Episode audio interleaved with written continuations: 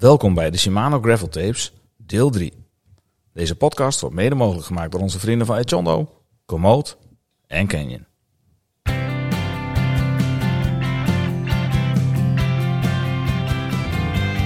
Beste vrienden van de show. Soms zit het mee en soms zit het tegen. Tijdens onze eerste Pedeleurs graveltocht zat werkelijk alles mee. Veel deelnemers, schitterend weer. Een afwisselende gravelroute door Twente, een fijn groepje om mee samen te rijden en een prima start- en finishlocatie waar na afloop onder het genot van een koude kwaremond nog even nagepraat kon worden over de tocht. Werkelijk niets liep bij Spaak die dag. Maar soms kan het ook tegenzitten. Na een rit in de regen heb je je fiets schoongemaakt, maar er blijft wat kraken. Is het je ketting? Zit het in je krankstel? Of is het toch een kraak in de zadelpen? En ook het schakelen loopt niet eens niet helemaal lekker meer. En dan? Wat moet je doen? Ga je zelf aan de slag of breng je de fiets naar de fietsenmaker? In het kader van de Shimano Gravel Tapes richten we ons daarom deze keer op onderhoud. We zijn te gast bij Shimano Service Center Herman Beleef Fietsen, waar we samen met Bram Schots het onderhoud van de fiets gaan bespreken. Ferdy Moes is deze keer onze gastpresentator. Vandaag in de podcast van Pedeleurs onderhoud met Bram Schots. Nou, Robert, heb je er weer zin in? Ik heb er weer zin in. We Ja, zijn er weer klaar voor. Ik, ja. heb, ik hoor het. ja, hoor je het? Ja, nee, Ah. zeker. Hey, eh, we gaan het hebben over onderhoud. Ja, doe je dat? Eh, nou ja, kijk, dit is natuurlijk een gevoelig puntje. Ik weet niet of je het fotje al gezien hebt, maar ergens onderin heb ik in, eh in caps lock geschreven: vraag voor Robert. Dus had je het al gezien of niet? Ik heb de vraag gelijk gezien, dus ik, ik, ik ga mij voorbereiden. Ja, zal ik hem maar gewoon er gelijk inslingeren, want het is wel een lekkere beginner, eh, denk ik. Ik scroll even helemaal naar beneden. Ehm, Hans Luijendijk, die vroeg, want we hebben ook wat ingezonden vragen. Die vroeg, wat kun je nou eenvoudig zelf doen en wanneer toch maar beter even wegbrengen? Als A-technici, zegt hij. Nou, ik denk, die vraag leggen we gelijk voor aan Robert. Hoe deed jij dat altijd? Eh, ik ga altijd zelf kijken wat ik kan. En eh, de meest simpele dingen die, eh, die kan ik. En op het moment dat ik echt twijfel, dan gaat die linea recta naar de entrepreneur. Ah, juist. En wat, wat, wat is nou iets wat jij nog wel zelf kan, vind je? Ehm, ja, naast het gewoon het reguliere onderhoud, eh, smeren van de ketting, eh, schoonmaken, eh, af en toe een klein beetje bijstellen. Ja. En dat is vaak toch soms een beetje trial and error. En dan onderweg Mhm. denk je, oh, toch nog, nog niet helemaal goed. Of, Nee. of wat dan ook. En een beetje YouTube is je vriend? Of, ja, ja, ja. Dat, Ja. die, die pak ik dus wel, wel, wel snel Ja, eens eventjes bij. Van, hoe doen we dit ook alweer? nou. En normaal als ik er echt aan ga twijfelen, dan, dan twijfel ik niet eens. En dan ga ik hup, weg met dat ding. Ja, toch wel? Ja, onderhoud. Ja, ik stream mezelf ook helemaal de moeder, jongen. Het is echt, ik probeer het graag zelf. Ik vind het ook leuk, een beetje, een beetje poetsen, maar ook vooral een beetje sleutelen aan de fiets. Ja. Eh, nou ik ja, vind het wel leuk werk trouwens. Dat, is, eh, dat moet ik wel zeggen. Dan Oh, sluit ik oké. me op in de schuur en dan eh, hang ik Ja. de fiets op en dan muziekje aan. En dan, en dan na een week kom je er weer uit. Ja, ja, ja, ja. Af en toe heb ik om naar de wc te gaan, maar verder niet. Als kluizenaar. Ja, ja, maar jij hebt wel wat met achterpadjes, begreep ik. Ja, jongen, ik heb wel menig achterpadje gebroken. Ik denk dat dit al het derde achterpadje is wat ik heb geplaatst. Ja? Ja, het, ja, dat betekent dus dat ik nog wel eens een keer naast de fiets lig. Ja, laten we hopen dat dat de laatste keer was voor de komende Ja. tijd. Maar, Zeven magere jaren, zeven vette jaren, zeg ik ja, altijd, toch? zeker. Heb jij wel eens een achterpadje gebroken? Nee, nog nooit. Nee, ben je, wel, je bent wel eens van het padje. Van maar- padje geweest wel, ja. Precies, ja. Oké. Hey, eh, waar zijn we precies, eh, Robert? Waar zijn staan we? bij, eh, Omschrijf eens even waar we staan. Nou, we staan eigenlijk in, in, in ja, is er een fietshemel, om het zo maar te zeggen? Oké, kijk. Nou, vertel. Nou ja, weet je, je, je komt hier aanlopen. Kijk, we zijn natuurlijk geweest met, met het, onze eerste gravel-tocht. Mhm. En dan was dit de start- en finishlocatie. Ja, dan kom je hier binnen. En eh, ja, het, het is fantastisch hier. Allemaal fietsen en onderhoud en kleding. En, en ja, even kwijlen is het nou eigenlijk. Als je, Ja. Maar dat heb ik al heel snel als je bij, bij een eh, fietswinkel binnenloopt. Ja, hoor. zeker. Nou, we staan in de werkplaats, dus we staan ook echt tussen de, nou ja, tussen de beugels naar de fiets omhoog gaan. We gaan zo meteen ook live een fiets omhoog hijsen en dan eh, gaan we fietsenonderhoud eh, doorlopen met Bram, onze mechanieker van dienst als het ware. En ehm, ja, er staan wat mountainbikes en eh, gravelbikes en racefietsen. Eh, een gigantische blauwe wand eh, met allemaal mountainbike groepsets, originele onderdelen, alles van het welbekende merk Shimano. Daar hangt ook nog wat roods naam, maar dat mag op dit moment even geen naam hebben. We focussen ons op eigen groepset. Nee, gek uit, maar er is hier voldoende. Er is Yes. weer voorraad, zie ik. Dat is al heel erg belangrijk. Dat is sowieso belangrijk. fijn, inderdaad. hè? dat kan weer. Ja. Hey, jij Maar ik, refereert... had wel zoiets Ja. toen ik hier aankwam fietsen. Oh ja, weet je nog, van een paar weken geleden, Ja. twee weken geleden. Nou, zullen we even gaan luisteren hoe Nout het vond? Die heb ik ook Ja. even wat gevraagd.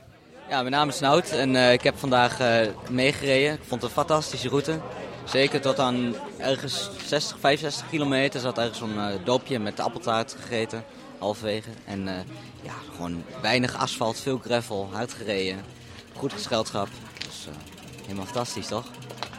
Helemaal fantastisch toch? Goed gezelschap bij haar ook een leuk groepje. Ja, een heel mooi groepje. Ja. Eh, die dag, hè, onze eerste Pedalers Gravel Ride vanaf het Shimano Service Center hier helemaal bleef fietsen. Eh, wat weet je nog? Of is het één grote waas? Nee, het is, nee, nee helemaal niet. Eh, ik weet alleen nog dat het heerlijk weer was die dag. Echt zo'n zo'n zo'n fantastische eh nazomer herfstdag. Je kon gewoon kort kort rijden die dag. En dan sta je hier en dan komen de eerste fietsers binnen. En dan komen er nog meer en dan komen er nog meer. En die rijden weg en die blijven nog even een kop koffie doen. En eh, Bleef maar komen. En tsunami aan gravelbikes. Ja, Ja, ja. dat is echt niet normaal. ja, nou, op een gegeven moment toen, eh, toen waren de meesten weg. En toen eh, zijn we zelf gaan, gaan fietsen. En uiteindelijk hadden we een clubje denk ik van nou, een man of 10, 12. Ja. En toen hebben we eigenlijk een fantastische tocht eh, Ja. beleefd. Met eh, onderweg koffie en eh, appeltaart, cake en, En, en iets goors.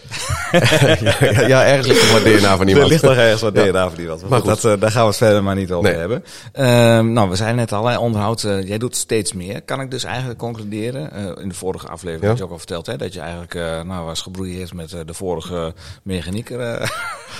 of maak ik nu Dat terug? terug, ja, dat is een terugkeer. Oké, oké. Nee, gekheid hoor. Maar nou ja, we zijn dus weer eh, op de plek waar het eh, nou, niet ooit begon, maar we iets heel leuks hebben meegemaakt. Ja.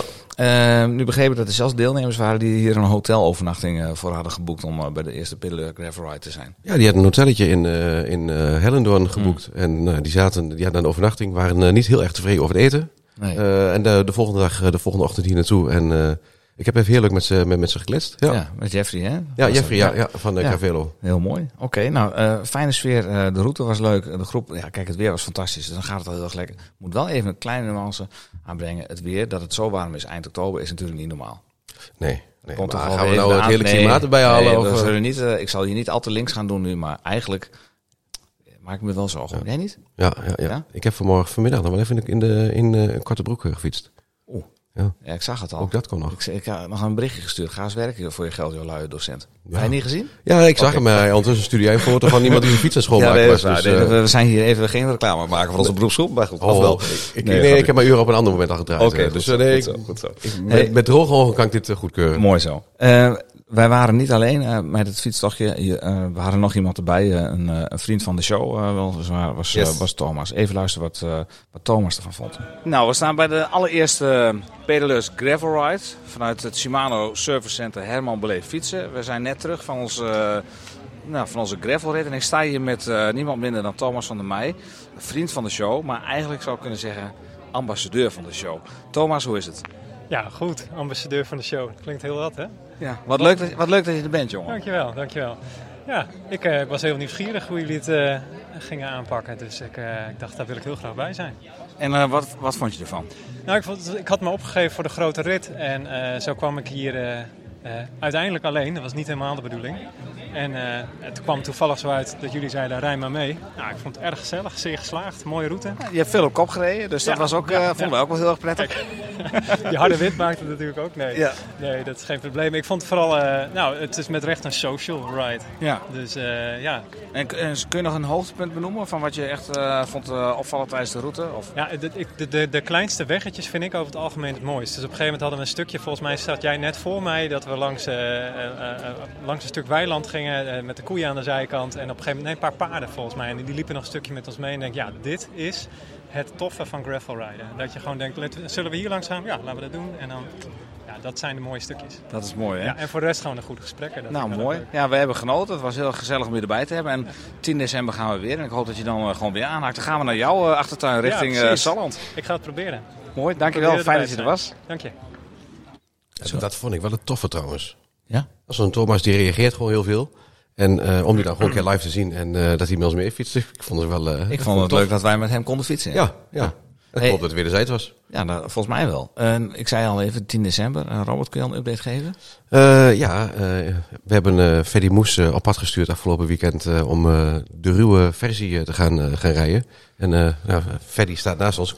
Staat de microfoon aan? Ja, de microfoon staat al. Hoe vond je de route? Nog niet precies vertellen waar we langs zijn geweest, maar hoe vond je hem? Ik hoop niet dat, eh, dat al die mensen gaan kijken waar ik allemaal gereden heb. Maar het was echt een eh, toprondje weer hoor, Robert. Ja, Moes zit op Strava. Volg hem, Ja. volg hem. Hij rijdt knetterhard. nee. Dus eh, nee, ja, nee, dan gaan we, dan gaan we Salland in. Dus eh, we gaan een beetje eh, vanaf onze woonplaats eh, richting, eh, richting Zwolle. Kijk, En dan eh, draaien we af richting, eh, richting Ommen. mooi. En dan eh, weer terug eh, hier naartoe. Mooi. En welke, hoeveel eh, afstanden hebben we? Of hoeveel kilometers kunnen ze kiezen? Ja, ik denk dat we uitkomen op eh, een rondje van eh, 110 ongeveer en een rondje van, eh, van 65. Oh, lekker. En eh, kunnen mensen zich al aanmelden? Eh, nog niet, maar dat gaan we wel eh, op korte termijn eh, voor elkaar boksen. Ah, perfect. En dan eh, zullen we dat delen op onze, op onze socials. En we, we starten gewoon weer hier, toch? Bij het Shimano Service Center. Als, als dat mag van de directeur, dan... eh, Ja, en ik kijk eventjes. eh, ja, Bram die knikt. Ja, de enige echte directeur. Nou, laten we de microfoon maar opengooien. Bram, uh, goedenavond. Goedenavond. Wat fijn dat we hier eh, mogen zijn eh, vanavond in de werkplaats. Ehm, voordat we gaan beginnen, moeten we eerst even ons eh, plechtige momentje doen. Dus eh, daar komt hij. Bram, luister goed. Thee heeft zoveel charme en toch lijkt hij zo gewoon. De T-vraag. Wij hebben altijd een teervraag, die staat op zo'n klein labeltje. Ja, En eh, de mensen met wie we in gesprek gaan, die moeten altijd dan die vraag beantwoorden. En de vraag die we voor jou eh, hebben deze keer is... eh, welke uitdaging zou je nog wel eens aan willen gaan? Dat mag in het algemeen, mag ook op fietsgebied. ja dat is ja, lastig. Ehm, op fietsgebied zou ik nog wel een keer een echte Belgische cyclocross-wedstrijd willen rijden. Afgelopen weekend nog even met Pim Ronda op pad geweest. Maar ja, als je dan ook ziet wat die gasten doen op televisie en je denkt dan, dan rijken ze een stukje mee. Dat is eh, ja, ongekend. Daar heb ik wel zwaar respect voor. En eh, ja, dat lijkt me wel een keer mooi om dat ook te ervaren. Zo langs die kant, eh, het publiek. ja, dat lijkt me wel gaaf. Nou, dan, moet je, dan moet je zondag meegaan. Ja, ja eigenlijk wel. Zondag gaan we naar... eh, we gaan, eh, tenminste, ik ga er naartoe eh komende Oké. zondag. We gaan met de, de Pim Ronda Fanclub gaan we mee. Kijk. Dus we gaan man of 50 eh, gaan we naar, naar Beekbergen toe. Ja, ik weet niet of ik het thuis weer voor elkaar krijg, want ik ben net eh, bij de Koppenberg geweest, de afgelopen weken in Namen geweest. Dus ik ben al twee keer achter elkaar weg Ja, geweest. ja, ja. Dus ik denk Zijn, dat dat, het... eh, zijn dat dan ook de koersjes die jij het mooiste vindt? Een beetje het klimmeren? Het, eh, ja, dat ligt mij wel. ja. Ja, ja. het explosiever, hè? Ik ben niet zo van het, van het beuken door de wind, maar wel het klimmen. Ja, dat vind ik mooi. Ja. Nou, dan moeten we dan gelijk hier even rectificeren. Want eh, wij hadden, eh er liep bij ons iets spaak tijdens onze rit. Hè? Dat, eh, Rick had een, eh, had een spaakbreuk, een dubbele. Niet een spaakbeen, Nee, gewoon, ja, ja, je dacht het. Maar vlak voordat wij, eh, of nou, vlak nadat wij Rick eh, hadden gezegd, van, ga jij maar in de berm lopen en zie maar hoe je terugkomt. Eh, toen kwam het clubje van Bram ons eventjes voorbij. Er werd gewoon niks gezegd. In één keer kwam er een, een extra windvlaag. Ik denk, wat gebeurt er hier nu? En voep, er kwam iets fel geels voorbij. Ik denk, oh, dat was Bram. Dat ging behoorlijk eh, hard. Welk gemiddelde hebben jullie eh, dit toch gereden? Ik denk dat we bijna tegen de 32 gemiddeld aan zaten. Ja, ja. Dus, eh, ja, dat werd wel, wel gekoerst. Ja, Ja, dat wou ik zeggen. Dat Ja. is dan aardig, eh, aardig fors. En het andere clubje die reden met, eh, met 33-1, 33-2. Ja, ja, dat klopt. Dus, eh, ja, dat ging ook behoorlijk hard. Maar er Ah, zaten ook goed. kleppers bij, Joey van Rij en Gertjan Bosman. dat zijn echte mannen, hè? Mannen met buskruid in de benen. wij zaten net op 31, eh, toch? Net, net, net, krabbaar. Ja. ja. Ja, Nou. 31 kilometer stoppen en toen bij de volgende Precies, 30. Ja, precies. zo zaten. Ja, Dus, ja, eh, ja. Nee, we hebben, we hebben, dat gaat erom dat je gewoon lekker genoten hebt. Dus, eh hey, maar eh, ontzettend bedankt. Tof dat we hier, hier mogen zijn vanavond. Jij, gaat ons zo, jij gaat ons zo meteen meenemen in, in het onderhoud van, eh, van, van een fiets.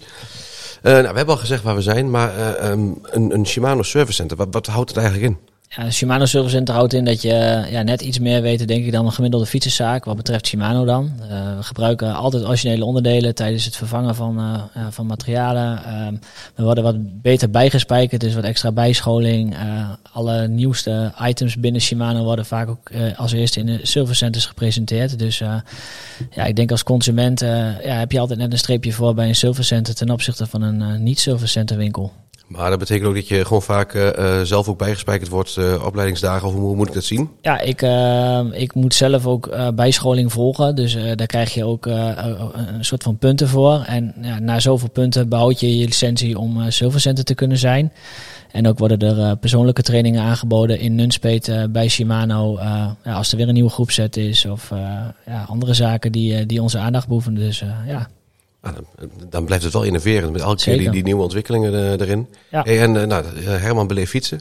Ehm, ik kan me nog herinneren dat ze rond de coronaperiode vlak daarvoor eh, open gingen. Ja. Ben je er vanaf het begin werk hier? Ja, ik, heb, ja, ik zit inmiddels 15 jaar ongeveer in de fietsenbranche. En hiervoor heb ik in Engelo gewerkt. Maar ja, na al die jaren bij die werkgever was ik toe aan een nieuwe uitdaging. En eh, ja, heeft Herbert mij eh, ja, gevraagd eh, of ik eens een keer bij hem op de koffie wil komen. En dat heb ik gedaan. En een goed gesprek met, met, met Herbert gehad. Ook, ook met Jeroen, de mede-eigenaar. En zo zijn we bij elkaar terechtgekomen. En eh, ja, er stond hier nog niet veel, dus ik ja, ben er echt vanaf het begin af aan bij betrokken geraakt. En ook eh, ja, mijn eh, ja, inbreng kunnen geven over de werkplaatsinrichting, waar de spullen moeten komen te staan en, en noem maar op. Dus ja, het voelt ook voor mij een beetje alsof het mijn zaak is. Ja, Dat is wel een tof gevoel. Volgens mij kunnen ook blindelings alles, alles vinden wat hier, wat, wat- Ja, wat hier staat. dat denk ik wel. Ja, Hey, en eh, ehm, nou, nou, nou werk je hier. je bent natuurlijk een nieuwe Ja, het fietser. is hobby, hè? Het is hobby. Het is hobby, oké. Ja. oké. Nou, hobby je hier. En dan komen hier mensen binnen. Ja. Ehm, wat zijn nou heel veel voorkomende problemen die, eh, voor mensen die hier binnenkomen? Eh, ja, toch wel schakelproblemen. Eh, remmen die ja, niet goed werken of, of piepen, kraken, dat soort issues. Ja, banden natuurlijk. ja, en, en het gewoon een reguliere onderhoud wat veel binnenkomt. Ja. En veel dingen hadden voorkomen kunnen worden? Of? Eh, ja, ik denk het wel. Het is een stukje opvoeding, eh, denk ik, vanuit de fietsenzaak. Zo gauw je een fiets aflevert, wat geef je die klant mee? Dus wat kan die klant eh, Mhm. zelf doen? Maar het is voornamelijk onwetendheid. Dus dat mensen toch te lang doorfietsen met, met materiaal wat eigenlijk al eerder had moeten worden vervangen. Ja. En daardoor ja, in de problemen raken. En meestal gebeurt het altijd op een moment dat het niet uitkomt. Of op Ja. een klim. Of eh, als je ze heel ver van huis, van huis bent. En dan, eh, dan gaat het vaak mis. Het zijn ook vaak dezelfde mensen inderdaad Ja. die altijd het probleem hebben. Ja. Ja. Ik snap echt niet hoe het kan. Eh, ja. Ja, nee, dat, is, dat is wel herkenbaar inderdaad. Hey, en naast het fietsen, of naast het werk, of het hobby hier. Ja. wat, wat, ja, je hebt al gezegd natuurlijk dat, dat, dat je fietst. Ja. Maar ligt je voorkeur bij, bij mountainbike, racefiets, gravel? Ja, ik heb alle drie. Dus eh, een race, een gravel en een mountainbike. Maar mijn passie is toch wel echt eh, het mountainbiken en het gravel eigenlijk. Eh, het racen vind ik altijd wel mooi in het voorjaar natuurlijk. Ja. Als de voorjaarskoers ook weer op televisie, te- televisie zijn, ja, dan heb je dat bepaalde gevoel weer een beetje. Maar ja, zo gauw die klassiekers geweest zijn, ja, dan zoek ik toch liever het zand weer op. En ja, pakken we de mountainbike en de gravelbike weer wat meer. Mooi, ja. Dus, eh, ja, goed. Ja. ja. Wij mogen allebei niet klagen met wat wij in de schuur hebben, eh, hebben staan. Eh, dezelfde disciplines volgens mij. Dus wat Ja. dat betreft is wel ontzettend herkenbaar eh, wat, wat je zegt. Ja, Het blijft altijd fantastisch, hè, fietsen. Ja, ik moest even schakelen. Ging, ging net goed. Ja, jij moet schakelen. Ja. hey, En ja, wacht even hoor, Freddy. Eh, jij hoort het nu zo aan, hè? Dan hoor je mountainbike, gravelbike. Je hebt ook een gravelbike in de schuur staan. En, eh, en had je ook nog een mountainbike of niet? Ja, ik heb ook nog een eh, mountainbike in de, Ja. in de schuur staan. Ja. Dat doet het nog. En- Er zit wel een laagje stof op eh, tegenwoordig. Echt waar? Ja. En maar, wat ga je daarmee doen? Ga je die bewaren voor je zoon? Of wat? eh? Nou, ik heb daar heel lang over zitten twijfelen van wat, ik ga, wat ga ik met die fiets doen. Want eh, ik gebruik hem eigenlijk niet meer sinds ik een eh, gravelbike in de schuur heb staan. Ehm, maar hij blijft nog, nog voorlopig nog wel even staan, Ja. denk ik. Ja. Oké. Ja. En- Of toch de wintertochtjes misschien af en toe eh, toch eentje meepakken. Binnenkort is er weer eentje geloof ik op de Holtenberg. Dus dat, eh, dat eh, hou ik me toch wel aan Ja. En als je dan zo'n fiets lang hebt staan en er zit veel stof op, eh, Bram. Ja. Dan kun je hem dan gewoon zo weer pakken en wegrijden? Of nee, dan, dan moeten toch wel wat dingen gecheckt worden voordat ik eh, in ieder geval op pad zou gaan. Ja. ja. wat, wat zou jij dan, eh, zonder dan gelijk een hele fiets helemaal te analyseren, maar wat zijn dan dingen waar je dan snel even naar kijkt? Van, Check in ieder geval even je, je rem en je stuurinrichting, want dat is natuurlijk wel essentieel, denk ik. En eh, ja, vaak lopen banden gewoon af, dus eh, ja, een beetje lucht is dan denk ik ook niet verkeerd. En wat, is, eh, wat is stuurinrichting? Ja, dus, eh, dus je remmen, je, ja, je handvaten, eh, je, je, je, je shifters, dus eigenlijk Mhm. het gedeelte waar je je, je stuur bij vastpakt Ja, en waar je ja, je fietsen mee eh, schakelt. Nou, Freddy, dan hoor je wat je moet doen. eh, Ja, ik als heb je... nog wat te doen hoor ik. eh. Ja, dat, eh, dat horen we inderdaad. Nou, ehm, en jouw fiets van de show eh, is nog in bestelling, geloof ik, hè? Je wacht Ja, nog. hij is eh, onderweg. Hij is onderweg. ja, ik hoop het. Oh, oh ja, hij is Ik al onderweg. Nee, ik weet het niet. Maar Oké. hij, eh, hij staat nog steeds in bestelling. En eh, half december gaat hij geleverd worden. Oh, Dus, elke helemaal- ochtend checken of ja, er al een update is. Ja. hè. Dus ik zit elke dag op een refresh zelf. Ja, Ja, nou, ik, zie hier ook nog wat pareltjes staan, dus eh, nou ja, goed. Mocht hij niet komen, Ja, dan heb daarom. ik nog... Dan kun je altijd nog wat anders doen. Precies. Daarom. Eh, Bram, ehm, wij gaan, willen het met jou gaan hebben over eh, de fiets. Nou, we hebben natuurlijk heel veel vragen binnengekregen via Facebook, via Instagram. Ik denk dat we zo meteen ook even live gaan op Instagram. Stel dat er nog mensen nog vragen hebben, dan Ja. kunnen ze dat doen.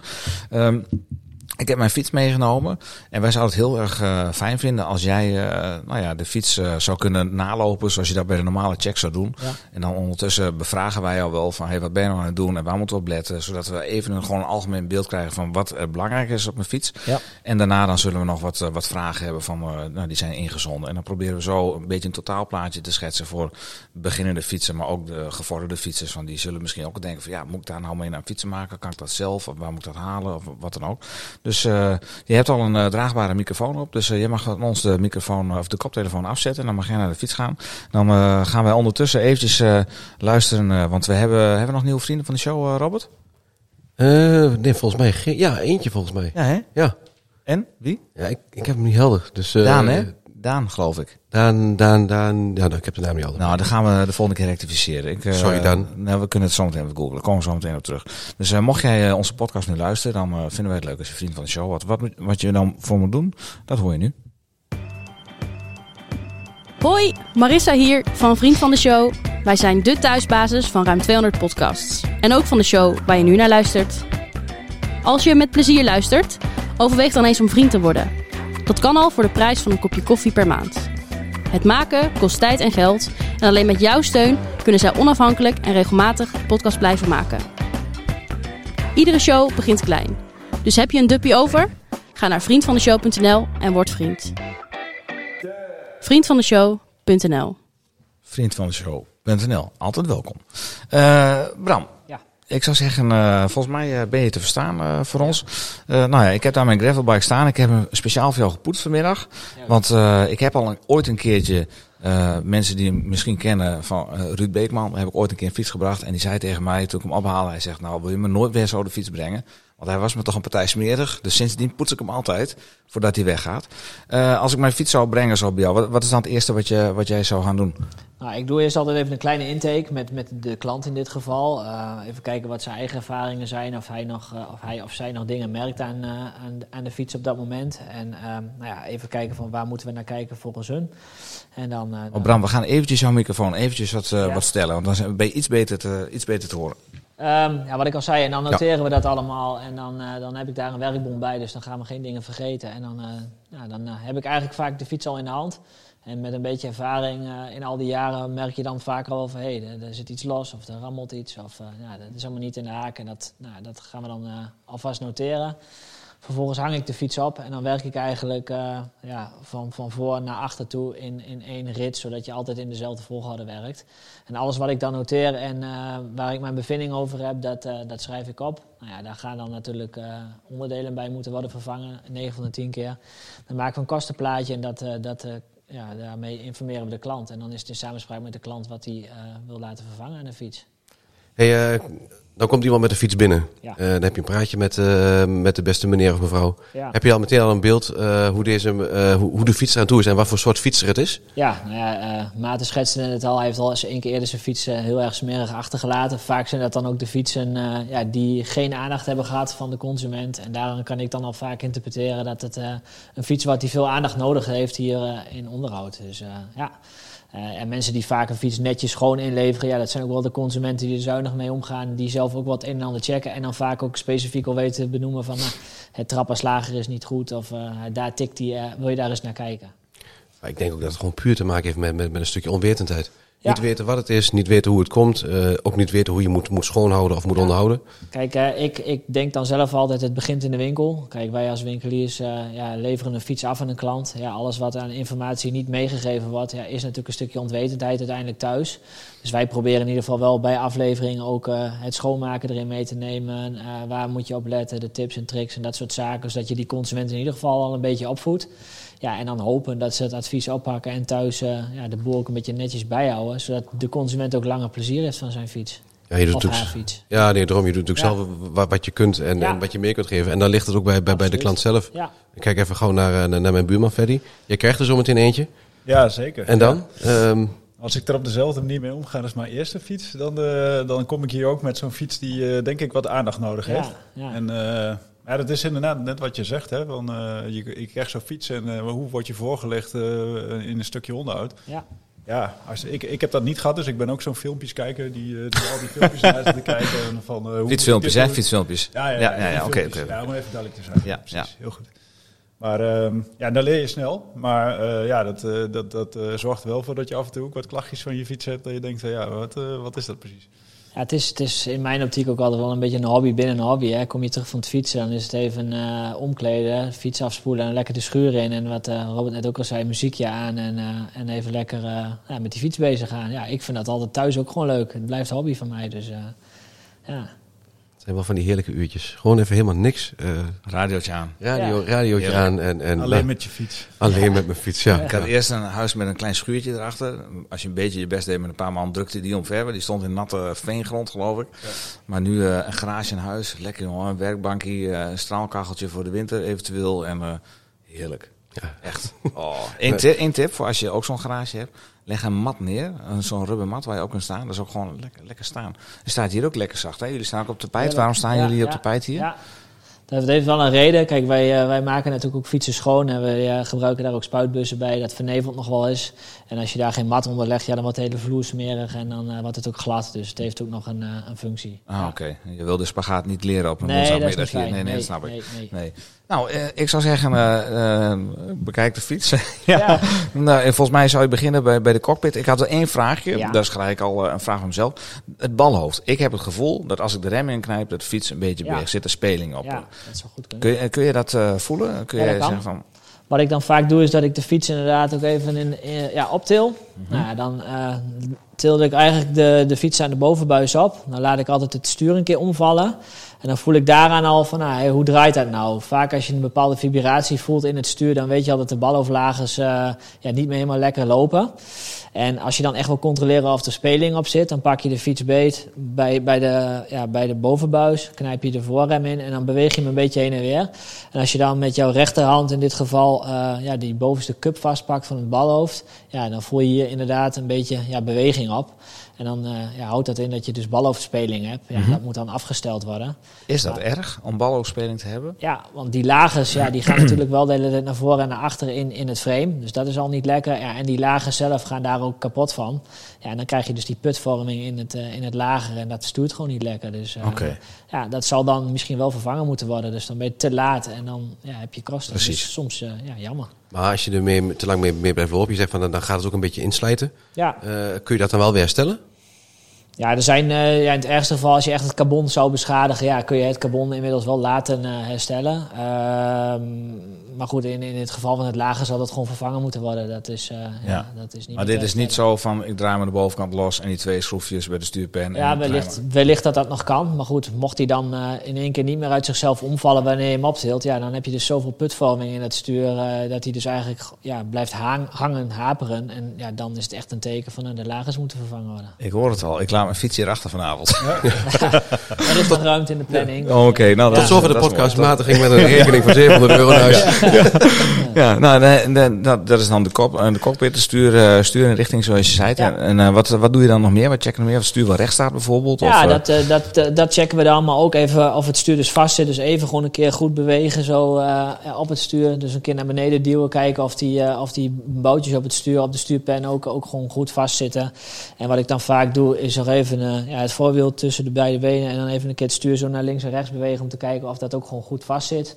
Nou, dat is eigenlijk de basis. Dan check ik altijd even de shifterboutjes. En eh, bij mountainbikes dan ook de remmen. Kijken of die gewoon goed vastzitten. Dus dan weten we in ieder geval hoe de cockpit er, eh, ja, hoe die ervoor staat. Nou, dan gaan we eigenlijk naar het midden toe, naar het zadel. Nou, die checken we dan even preventief door om een keer naar links en rechts te bewegen. En naar voren en naar achter. Nou ja, vaak dan zie je nog wel eens bij sommige consumenten dat het gewoon los zit. En dan, hup, dan gaat het zadel naar voren. Ja, Mhm. dat is natuurlijk gevaarlijk. En waar ik altijd even naar kijk, waar veel mensen geen weet van hebben, is de stand van het zadel. Sommige mensen die zetten bewust het zadel helemaal naar voren. Nou ja, dan heeft hij een goede klemming achter op je zadelbrug. Maar ik zie ook heel vaak als dat los zit, dat dat onge, ja, eh, ongezien een beetje ver- verplaatst. En dat het, eh, de klemming dan heel erg voorop komt te zitten. En je krijgt dan een groot moment achter op je zadel. Vervolgens buigt die eh, brug een beetje door. En heb je dus kans dat hij tijdens het fietsen in één keer kan afbreken. Ja, en Ja. alle gevolgen van dien. Dus dat zijn ook dingen die ik dan check. Ik heb het een keer gezien dat het gebeurde. Tijdens de Amsterdam Gold Race. eh, Ja. Een jongen die fietste voor mij. En eh, die, die, die, of hij zette aan, of ik weet niet, maar in één keer tak. En daar, daar ging zijn zadel. Nou, en toen moest er nog eh, een kilometer of tachtig. Ja. Volgens mij heeft hij hem niet uitgefietst. Nee, ik kende hem niet, maar eh, hij ging eerst echt heel raar. Ik denk, oké, nou, dat, eh, dat zijn wel dingetjes inderdaad. Ja, dus daar kijk ik altijd naar. En eh, vervolgens, als er een echt een grote beurt aan, aan, eh, aan gedaan moet worden, dan haal ik preventief ook altijd even de zadelpen eruit. Doen we even een nieuwe smering in het frame tussen het zadel, zodat het niet gaat oxideren, zodat het ook weer los kan wanneer het los moet. En daar zien we ook wel heel vaak dat er dus eh, ja, vocht en zand eigenlijk naar binnen toe gaat. Dat gaat eh, ja, oxidatie geven. En vaak bij aluminium frames, ja, als dat nooit los is gehaald en er zit weinig vet tussen, dan krijg je dat voor zo lang als zijn leven niet los. En dan, ja, dan wordt dat ook een, eh, een hopeloze klus. Dus eh, Liter, liters WD-40 wat je erdoor moet spuiten. ja, ja, WD-40, dat gebruik ik hier niet zo heel veel. Maar ja, in dat geval dan kunnen. wel, ja. ja. Ja. dan wel, ja. Maar daar kan ook wel een kraak in je zadelpen dus vandaan komen. Ja, dat kan. Heel goed, ja. Ja, bij mijn eh, vorige, bij de vorige eh, werkgever hebben we eens een keer zo moeten doen dat we echt een fiets eh, qua zadelpen eigenlijk al op moesten geven. Die moesten echt in de bankschroef klemmen en dan echt met z'n tweeën echt heen en weer Oh, flikken om die los te krijgen. Dus zo erg kan het, dan, kan het dan zijn. Dus weet je, dit soort dingen checken wij dan gewoon preventief zodat je dat, dat voorkomt eigenlijk. Ja, en welke pasta moet je dan gebruiken? Want je hebt van die rode carbonpasta. eh dan heb je van Tax bijvoorbeeld. Bij, eh bij Canyons wordt dat er ook altijd bijgeleverd. Ja. in zo'n klein Ja, zakje. ja. Maar je hebt ook van het witte pasta. Ja. Wat, wat, wat is het verschil wat ertussen zit? Witte pasta, dat is assemblagepasta, dat gebruiken we eh, bij aluminium. En carbonpasta gebruiken we dus bij carbondelen. Dus in dit geval eh, heb jij een carbonframe met een carbon zadelpen. Daar gaat dan carbonpasta tussen. Dat is dat rode. Ja, Of- jij noemt het rood, maar het kan ook groen zijn of, eh, of geel. Er zijn diverse merken natuurlijk in de Ja. markt die dat, eh, die dat aanbieden. Van dat eh, transparante ja, er uh, zitten een beetje van die korreltjes Ja, tussen en dat precies, geeft grip op het, op het materiaal. Maar maakt het heel veel uit, want ik, als ik, ik ga bij mezelf naar, ik heb in de, in de, in de schuur één potje met pasta staan. En die gebruik ik eh, zowel voor, eh, voor de race als voor de mountainbike als voor, de, als voor mijn gravelbike. En die zijn echt niet alle drie van, eh, van carbon. Nee, nee ja, je hebt Nee. natuurlijk verschillende potjes smering, eh, om het maar even zo te benoemen. eh, zoals veel mensen het noemen. Je hebt gewoon een potje vet op de tafel gezet. Ja, oké. Ja. Ja. en dat was nog maar het eerste couplet. Goed, we hebben lage vet, we hebben dus assemblagepasta, we hebben carbonpasta. En dan hebben we nog een hele arsenaal aan, aan smeermiddelen natuurlijk. En ja, elk smeermiddel of, of pasta of, of eh, olie, vet, noem het maar op, heeft zijn eigen toepassing. Dus je kunt ook niet zomaar alles eh, in de fietsenbranche door elkaar heen gaan gebruiken. Dus daar moet je altijd wel goed op letten. Ja. Dat je het juiste smering eh, of de juiste vetten voor de juiste doeleinden gebruikt. Ja, Oké. wel belangrijk. Ik zal het toch eens, gaan- toch eens gaan bekijken thuis. Welke Ja. ja. waar wij dan het meest geschikt voor is. Ik denk altijd, nou, als, Ja, er wat, als er maar wat vet aan zit. Ja, die, rode aan- heb ik ook inderdaad. Ja, nee, zeker. Ja, nou, en ik heb onlangs mijn zadelpen eruit gehaald om eventjes eh, opnieuw weer eh, te smeren. Want Niels, eh, eh, hè, die ook mee fietst in januari, zijn eh, zadelpen, eh, hij zegt van ja, ik, ik kan mijn zadel niet kantelen. Die heeft ook zo'n splitpen.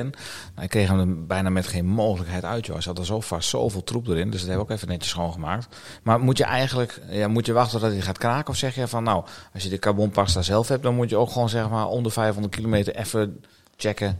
Zadelpennetje eruit. Het is niet zoveel werk. Het is een inbusje Nee. open en dicht. Nee, maar goed, eh, ik zeg altijd, niet iedereen is zo kundig. Je eh, ja, we krijgen hier natuurlijk allerlei soorten eh, mensen over de vloer. En de ene is heel handig met hout en de ander weer in de techniek. En de andere is advocaat. Dus ja, weet je, je kunt niet altijd van iedereen verwachten dat ze en tijd voor hebben en daar ook, ook de kennis in hebben. Maar ben je zelf een beetje handig en, en kun je dat soort dingen, ja, zou ik dat altijd adviseren om dat zelf ook preventief gewoon thuis eh, te doen. Dat soort dingen. Want het is maar een klein klusje, maar het scheelt uiteindelijk misschien eh, in de toekomst heel veel ellende. Dus ja, ja. En hoe vaak eh, zou je dat moeten doen? Is dat echt om de zoveel kilometer of gewoon als die heel fel is? Of, eh, Ja, nou, ik doe het vaak bij elke, elke beurt. Dus als wij hier een fiets krijgen voor een beurt, is dat natuurlijk voor mij een, een koud kunstje om dat er even uit te halen. Eh, maar goed, voor een consument thuis, ja, als je dat gewoon eens één keer per jaar doet, is dat denk ik Oh, dat is altijd al, wel- is dat al goed. Ja. Ja. Maar goed, ik weet natuurlijk niet eh, ja, Nee. wie er wat zelf aan zijn fiets Nee. doet, dus ik check dat altijd. En dan, eh, als je het stuur los hebt gehad en je hebt het zadelpen los gehad, dan is het, gaat het altijd om, staat hij nou recht of niet? Ja. Heb je tips hoe je kunt zien of je stuur recht staat of je zadelpen, eh, of je zadel recht staat? Want dat is echt, Ja, het, ja, bij mij gaat het gewoon één op het oog. Maar eh, ja, ik, ik zou niet zoiets te kunnen benoemen hoe je dat thuis misschien moet doen om daar, eh, om daar nog wat extra... nee, is gewoon een beetje, een beetje spelen. Gewoon. Ja. Ik doe altijd één, het, het rechter oog dicht. Ja, Ja, die is goed. Ja, linkeroog. Ja. Nou ja, goed. Ja, het zal. En an- anders, eh, anders dan heb ik hem vaak dat, dat busje, dat inbusje wel bij me. Dan, eh, zondagochtend. Zeg je? Dat is geen zondagochtend. Nee, nee, nee. Als ik om drie uur s'nachts thuis kom, dan eh, zet ik mijn zadel recht. Ja, het gebeurt best wel eens zo dat mensen de fiets ophalen en zeggen, nou, ik weet niet of het zadel het stuur maar recht staat. En dan zeg ik ook al, daarom ben ik geen timmerman geworden. Dus eh, Ja. ja, ja, Ja, dat dat kan. kan. Ja. Oké. Ja, wie, Richard had toen zijn zadel eh, in een standje eh Grammy Spartak hier gezet. Ja, dat was echt eh skischans, ja. ja. Hij gleed ook de hele tijd op het achterwiel. En hij snapt ook niet dat... eh, nee, nee, nee. Nou, hebben we stuur en, eh, en zadel gehad. Eh, ik Ja. zou zeggen, eh, ja, hang hem maar in de beugels, denk In ik. dit Want geval gaat hij de takel in. de takel, ja. Speciaal moment, mensen, dan gaat hij. Ja, kijk, dit is toch, dit is toch het geluid dat Ja. je hoort Ja, bij een fietsenmaker. ja, Ja, ja. Dus dan ga ik weer terug naar de voorkant. Bij het voorwiel begin ik dan altijd eigenlijk. Eh, dat is voor mij mijn vaste volgorde, zodat ik altijd ook dezelfde volgorde hanteer en nooit wat eh, kan vergeten daarin. En wat ik dan vaak doe, is dat ik het eerst het wiel eens even ronddraai. Nou, in dit geval eh, misschien wel hoorbaar. Hoor de schijf al aanlopen, dus daar zal naar gekeken moeten worden. Fietsen die tubeless afgeleverd zijn bij mij, eh, kan ik de band nog even afhalen, kijken of er nog latex in zit. Want ik zie ook heel vaak mensen, eh, als ik zelf aan het fietsen ben, die onderweg lek staan en dan zeggen van, eh, ja, kun je even stoppen, even helpen. En ik snap het niet, ik rijd tubeless. Nou ja, dan haal je die band los en dan zit er geen sealant meer in. Ja, dat droogt weer in. Dus heel veel mensen die laten hem misschien tubeless maken, maar vervolgens na een jaar is de sealant eruit. Ja, denken ze nog steeds dat ze tubeless rijden. Dus dat zijn dingen die wij, die wij checken.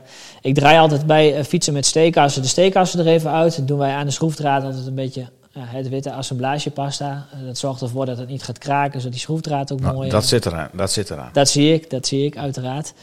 Nou ja, en dan doen we visueel een check op de remblokken. Dus als ik het wiel eruit heb, kijk ik even naar hoe dik is de voering nog van, van de desbetreffende remblokjes. Als het gaat om een fiets met schijfremmen. Eh hebben we nog fietsen met ouderwetse velgremmen. Ja, dat kun je natuurlijk heel goed zien. Mhm. Dat kun je ook zelfs als consument makkelijk zien. Maar in dit geval eh, ja, zie je het vaak wel als de remblokken echt wel versleten zijn. Dat er nog maar minimaal voering op zit. Dan moet dat gewoon preventief ook vervangen worden. Want ja, dan eh, kan de consument er ook weer mee verder. Hoe, hoe staat het ervoor? Kun je het zo zien op het oog? Het lijkt eh, zo op het oog nog redelijk te zijn. Het wiel zit er nu nog in, maar eh, ja, het lijkt nog redelijk te zijn. Vaak kun je het ook wel merken als je de rem inknijpt of die eh, hendel te ver naar het stuur heen gaat. Ja, dan is dat vaak toch wel een teken dat de remvoering ja, toch wel versleten is. Ja. Nou, en nu heb je het over de remblokken. Hè? Ja. Hoe, die zijn die makkelijk te verwijderen en, en eruit te halen? Ehm, ja, volgens de richtlijnen van Shimano ehm, dien je dan altijd even de zuigers terug te, terug te, terug te duwen in de, in in de eh, remcilinder. Nou ja, dan hoor je daar bovenop je remhendel eh, het oliereservoir eigenlijk los te draaien. En daar moet een funnel in geplaatst worden. Dus dat is een specialistisch toeltje wat Shimano aanbiedt om remmen te kunnen bleeden, Mhm. het, het ontluchten. Zodat wanneer je dus de zuigers eh, weer terugzet in de, in de remklauw als het ware, dat ook de olie eruit kan. Want anders dan zou je het membraan dus eh, kapot drukken. Dus dat is niet de bedoeling. Dus ja, je kunt dat wel makkelijk zelf doen, maar als je het echt helemaal goed wil doen, ja, ben je dat er wel bij nodig. Oh, Oké. Oh, wat ik doe altijd, eh, ja, ik haal het pinnetje eruit en dan de, de blokjes eruit. En dan met Ja. de schroeven draaien, druk je de pompjes terug. Het zal ook wel goed gaan, maar Shimano adviseert... En ik maar denken dat ik alles prima zelf om kon. het anders te doen. Maar ehm, ja, dan eh, is het heel eenvoudig. Het, het boutje, het borgingsboutje loshalen. Bij sommige merken zit er nog wel eens een clipje op ter bevestiging. Nou, die haal je los en dan pak je vaak zo aan de ene kant Ja. de remblokken eruit. En dan plaats je daar weer nieuwe in. Altijd natuurlijk wel weer het pennetje terugplaatsen, want anders dan vallen die blokjes eruit. En dan eh, ja, moet het wiel weer teruggeplaatst worden. Ja, dan krijg ik ook weer vaak consumenten bij mij in de winkel die zeggen van ja, ik heb zelf remblokken vervangen, maar nou loopt die rem aan. Dus vaak moet je dat nog wel even centreren weer. Dus door de remklauw even los te draaien, een goede slinger aan het wiel te geven, je remhendel vast te houden, dus wel vast blijven houden. En dan volgens de inbusboutjes weer vast te draaien. En daarmee ja, zet eigenlijk Stel de remklauw zich weer mooi om, de, om de schijf heen. En dan zou die weer vrij moeten lopen. En dan moet je ook wel weer, eh, wel weer inremmen. Ja, ja wij hebben hiervoor een, eh, een rembank in, eh, in onze werkplaats. Dus daarmee eh, kunnen wij eh, het wiel op een bepaalde snelheid laten roteren. En vervolgens knijpen we dan die rem een aantal keren in, los vast, los vast. Waardoor die schijf eigenlijk goed opwarmt en de blokken goed ja, inbranden eigenlijk. En dat garandeert dan ook weer een langere eh, rem, eh, eh, of een, een langere levensduur van je remblokken. En, en een betere rem eigenlijk eh, in het terrein. Ja, dat doet me denken aan de, aan de tip die Gerben eh Mars ook, eh, ook gaf. Toen hij de, de Dutch Masters ging, eh, ging rijden. eh, dat hij van tevoren eerst eh, zijn remmen in ging rijden. En die, die, zet, die nam hij mee als reserve. Ja. En dan zet je nieuwe remmen. Omdat die anders gewoon echt eh, ja, binnen 30 kilometer weer op waren. Ja, en nou was het afgelopen seizoen natuurlijk, of afgelopen jaar, de Dutch Masters wel erg Ja, extreem. maar doorgaans is het inderdaad wel raadzaam om altijd remblokken in te remmen voordat je terrein in gaat. Omdat eh, ja, daarmee gewoon je levensduur verlengd wordt. Ja, Maar hoe controleer je nou wanneer je remblokken echt eh, op zijn? Dus wanneer moet je ze echt gaan vervangen? Want eh, je kunt er naar kijken, maar dat zie je Ja. nog niet echt gelijk.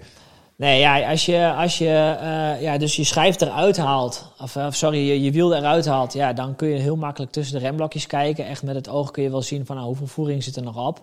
Maar ja, als dat echt nog een, nog een, nog een halve millimeter is, eh, iets in die trant, of zelfs minder, ja, dan, dan weet je gewoon ja, dat gaat niet lang meer goed. Kijk, nu hebben we natuurlijk de zomerperiode gehad met eigenlijk weinig tot geen, geen, geen water, geen vocht. Dus ja, dan gaan de remblokken lang mee. Maar zo het straks weer nat wordt buiten, ja, dat is wel killing voor je remblokken. Dus dan zie je ook wel vaak dat mensen dan in één keer na twee of drie keer fietsen door de voering heen zijn. Ja, dan wordt het ijzer op ijzer en dan ga je ook je schijf kapot Ja. maken. Dus Dan is dat lichte grijze, dat schuurpapierachtige, dat is weg en dan zie je die stipjes ja, eh, dan, zie doorkomen. je, dan kijk je echt op de stippen. Ja, Dus echt ja. op het metaal, op de, op de, ja, op de houder eigenlijk van, Mhm. het, eh, van het remblok. Ja, en dan ben je gewoon te laat. En dan gaan je schijven ook, eh, ook kapot. En dan moet je dat ook vervangen. Dus eh, ja, dat zijn echt dingen. Ja, dat, is gewoon echt na, na, na een aantal keer fietsen. Gewoon even preventief checken thuis. Van nou, hoe staat het ervoor? En dan weet je van, hé, hey, eh, ik, eh, ik moet vervangen of ik kan nog even doorfietsen. Ja. En nu had ik laatst eh, een toertocht met, de- met, met, met de mountainbike. En het joelde in het bos. Ja. Allemaal eh, piepende eh, remmen. Ja. Eh, hoe kun je daar tegengaan? Dat is toch wel lastig. Het is, het is vocht. Vocht dat geeft een bepaalde werking op, eh, op remblokken. En daarmee eh, ja, een bepaalde vibratie. En, en dat maakt eigenlijk dat joelen van die, eh, ja, van die remblokken eh, zo extreem. En ehm, ja, dat, dat krijg je er eigenlijk niet uit. Dat is ja, een beetje weer gedateerd en zoiets. Ja. En dan heb je, nu sta je nou bij, bij het voorwiel. Ja. En de, de band zit erop. Ik heb Ja. onlangs eh, de achterband en de voorband verwisseld. Ja. Want eh, ja, voor heb je wat meer eh, grip nodig dan achter. En meer druk erop natuurlijk. Hoe zie ik nou wanneer die band af is? Hier zit 4000 kilometer op, op deze banden. Ja, ik kijk altijd echt naar het profiel en ook naar de, naar de zijkanten van de banden, dus de wangen. Eh, het profiel is natuurlijk wel vrij snel te zien voor een consument van nou, zit daar nog een nop op of een, eh, hè, een bepaald eh, ding waarmee je dus grip kan creëren.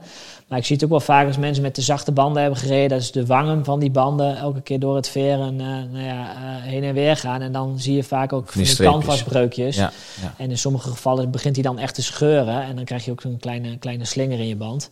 En ja, dat zijn veel dingen die de gemiddelde consument niet ziet, maar dan wij in de werkplaats wel. En dan moet je ook echt zo'n band vervangen. En ehm, ja, voor is natuurlijk je, je, je, je, je sturende, tenminste daar heb je je sturende vermogen nodig. Dus daar is de, de, de nop natuurlijk wel het meest belangrijk, want ja, daar zit geen gewicht op. En die moet jou wel goed door de bocht helpen. En vaak achter ja, is een nop iets minder van belang, omdat je daar met je gewicht al wel op zit. En ja, die helpt jou wel eh, mee door de bocht heen. Dus eh, ja, een voorband is soms op zijn minst net zo belangrijk. Alleen zie ik heel vaak dat doordat er meer gewicht achterop zit, die band achter harder slijt en die vaker vervangen wordt. En dat zo'n voorband vaak al helemaal in is gereden, allemaal kleine sneetjes, stukjes steen. En dat die nopjes niet meer lekker zijn, maar dat mensen die vaak laten zitten. Omdat ze achter echt sneller zien dat die versleten is. En wat zou je nu adviseren als je kijkt naar de banden? Eh, nou ja, voor ziet hij er nog, nog redelijk uit. Kijk, je ziet wel dat de noppen eh, ja, wel wat geleden hebben, maar er zit nog profiel op. Ja, goed, en achter, eh, achter begint hij al wel wat kaler te worden. Ehm, maar goed, nu gaan we de winter in, dus zou mijn advies zijn van ja, hè, zou daar toch misschien een andere band op moeten. Ja. Ja, zomerdag kun je nog een keer zeggen van nou, ik rij hem af totdat er ergens begint en eh, ik ga dan, eh, dan switchen. Het zijn nog net geen slicks, maar eh, het kan wel. Ja. het kan wel. Nou, voor onze trip richting Duitsland, dat eh Hannover. blijft. Ja, mijn fiets blijft hij gewoon. Ja, dat is echt, ik kan er niet zonder. Maar. Ja. Nee, ja. Oké, en, en remmen ontluchten, dat, Ja. jij zei, dat kun je dus zelf doen, maar dan, dan heb je dus wel... Ja, je hebt Eh, daar wel een bleeding kit voor nodig, zoals mhm. dat dan heet. Dus dat is, een, eh, het is een, eh, ja, eigenlijk een soort van dokterspuit met een slangetje. Nou, die kan je dan op de klauw aansluiten. Voordat je dat doet, plaats je dus eerst de funnel, eigenlijk het opvangbakje bovenop je, op je remcilinder, op de, op de hevel. Dan eh, haal je de remblokken eruit. Dan gaat er een soort van eh, ja, pasblokje tussen die eigenlijk eh, ja, jouw remblokken moeten voorstellen. Want Mhm. ja, remblokken moet je altijd verwijderen, anders komt daar olie op en ja, dan remt het niet meer. En vervolgens ja, dan zou je dus jouw jouw spuit aan kunnen drukken. En als je dan het systeem openzet, komt de olie van onder naar boven. En ja, dan, daarmee ja, verplaats je eigenlijk eventueel een luchtbelletje of, of de oude olie naar boven toe. En dat doe je dan net zo lang totdat je weer mooie schone olie in je, in je reservoir hebt zitten boven. En eh, eh, ja, dat, je, dat je dus een harde rem ervaart Ja. eigenlijk. Je pompt het in principe dus gewoon rond. Ja, eigenlijk wel, want lucht gaat altijd naar boven toe. Dus je moet hem van onder naar boven toe doorspuiten. Ja. Dat zijn bij mij al dingen die ik denk, nou, dat ga ik echt lekker niet zelf doen. Nee, dat Da- ga ik ook da- niet daar- zelf doen. Daarom breng ik hem altijd wel, eh, wel ja. weg. Ja, nee, eh, same, dat doe ik ook. En nu, ehm, eh, dat sloeg net eventjes over, maar een consument die thuis eh, de remblokjes verwisselt, zoals Ja. ik dat ook deed, hè? Of, de, bijvoorbeeld de, de, de fiets aan het wassen is, voorwiel eruit haalt en dan per ongeluk de voorrem inknijpt. Dan Ja. gaan die blokken naar elkaar. Ja, Hoe krijg je dan de blokken weer uit elkaar als je dat per ongeluk doet? Want je hebt die plasticjes die je ertussen schuift. ja dat, dat is daar niet helemaal voor bedoeld. Dat zijn transportplaatjes, die kun je er dan tussen doen om te voorkomen dat de remblokken naar buiten komen. Maar wat je dan echt als redmiddel thuis in je schuur kan doen, is gewoon een grote platte schroevendraaier opzoeken. En dan toch proberen heel voorzichtig op dat moment eh, ja, tussen die remblokken een beetje heen en weer te, te, te frikken. En daarmee ja, je zuigers eigenlijk weer terug te, terug te plaatsen. Ah, juist. Ja, Maar dat is ook het verschil tu- tussen mechanisch en hydraulische rem. wat het verschil is. Ja? Eh, ja, een mechanische rem werkt gewoon nog eh, net als vroeger dus met een kabel. En die moet je dan eh, daarmee afstellen. Dan kun je dus met een stelmechanisme aan de zijkant de, de zuiger eh, ja, ehm, naar voren of naar achter bewegen. En die stel je dan echt met een kabel. En een hydraulisch systeem is natuurlijk gewoon gevuld met olie. Ja, en als die ja. goed op, op druk staat, ja, dan eh, verplaats je de olie naar je, naar je zuigers. En die laten eh, ja, de remblokjes tegen je schijf aankomen. Is het jou eens gebeurd? Wat, dat ze naar elkaar toe komen? Ja? Ja. dat ik Ja, tijdens fiets- remmen, maar... Nee, nee, nee, nee. nee, nee eh, dat, eh, dat is mij wel eens gebeurd. Dat ik tijdens het schoonmaken... Ik heb dan zo'n mooie standaard waar die met de vork, vork ingaat. Ja. En dan rust hij op de crank. Of op de bottom bracket moet ik zeggen. En eh, ja, dat je dan eventjes eh, gaat schakelen om de ketting eh, wat te verplaatsen. En dan pak ik per ongeluk de verkeerde remhendel. Of dan loopt mijn zoontje langs die denkt, oh dat is leuk, hup, knijpt erin. En dan eh, staan ze ook aan elkaar. Dus het is mij wel eens gebeurd. Maar het is me altijd wel gelukt om met een schroef Ja, een Ja, daarom doe ik de schuur altijd op slot als ik eh, daar het werk ben. Dan loopt er nooit iemand voorbij. Nee. het is geen ramp, maar het is, wel, eh, het is wel vervelend. Zeker als leek zijn en je hebt dat Ja. niet in de gaten. En je denkt met alle goede bedoelingen je wiel weer terug te plaatsen. En denk, hé, waarom wil dat nou niet? Ja, dan is dat vaak het Ja. geval. Ja. Maar ik moet zeggen, ik gebruik ze eigenlijk niet zoveel. Die remmen. Ja, je hebt wel een keer gezegd van hij loopt, zo aan. Ja, oh ja. ja. Ja. Nou, eh, zullen we doorgaan naar de... Want Ja. dan pak Ja, nee, jij... eh, ik, ik wilde graag nog, nog één Oh, vraagje ja, over, de, over, de, over de band. Eh, Sorry. maakt niet uit of dat nee, rem maar maar even af. Eh, eh, je zegt, van, nou, als mensen denken dat ze tubeless rijden, dan Ja. gaat die sealant die, die, die gaat eruit. Ja. Eigenlijk zeg je dus moet je één keer in het jaar eh, eh, nieuwe sealant erin doen. denk ik, ja. ja. En dat is gewoon een kwestie van eh, zo'n dingetje die erop zetten en dan eh leeg laten eh, lopen. Ja, zo kun je dat thuis heel makkelijk doen. Dus je kunt eigenlijk je, je ventiel losdraaien en het binnenventiel eruit halen. Nou, dan heb je ja, in de markt diverse merken met sealant en ja, daar de bijbehorende ehm, nou ja, manieren om het te vullen. Dus dan vul je hem eigenlijk gewoon via het ventiel met een slangetje of een flesje. Dan knijp je hem door en dan loopt de sealant er weer in. Wat wij hier heel makkelijk doen, voor ons is het gesneden koek. Wij wippen de band gewoon aan één kant eraf. En ja, gieten er gewoon wat nieuwe latex bij in Mhm.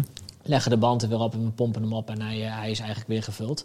Maar wij zien toch wel ehm, ja, dat zo'n band na goed een half jaar toch wel echt eh, nog minimaal latex eh, eigenlijk heeft. En daarmee ja, dus niet meer goed zijn werk kan doen wanneer je dus uh, lek zou rijden. Ja. En ja, dat is dan voor veel mensen wel frustrerend, want die denken dan dat ze tubeless Mhm. rijden en dan vervolgens ja, niet eigenlijk. Ja. Hoeveel milliliter doe je in een band?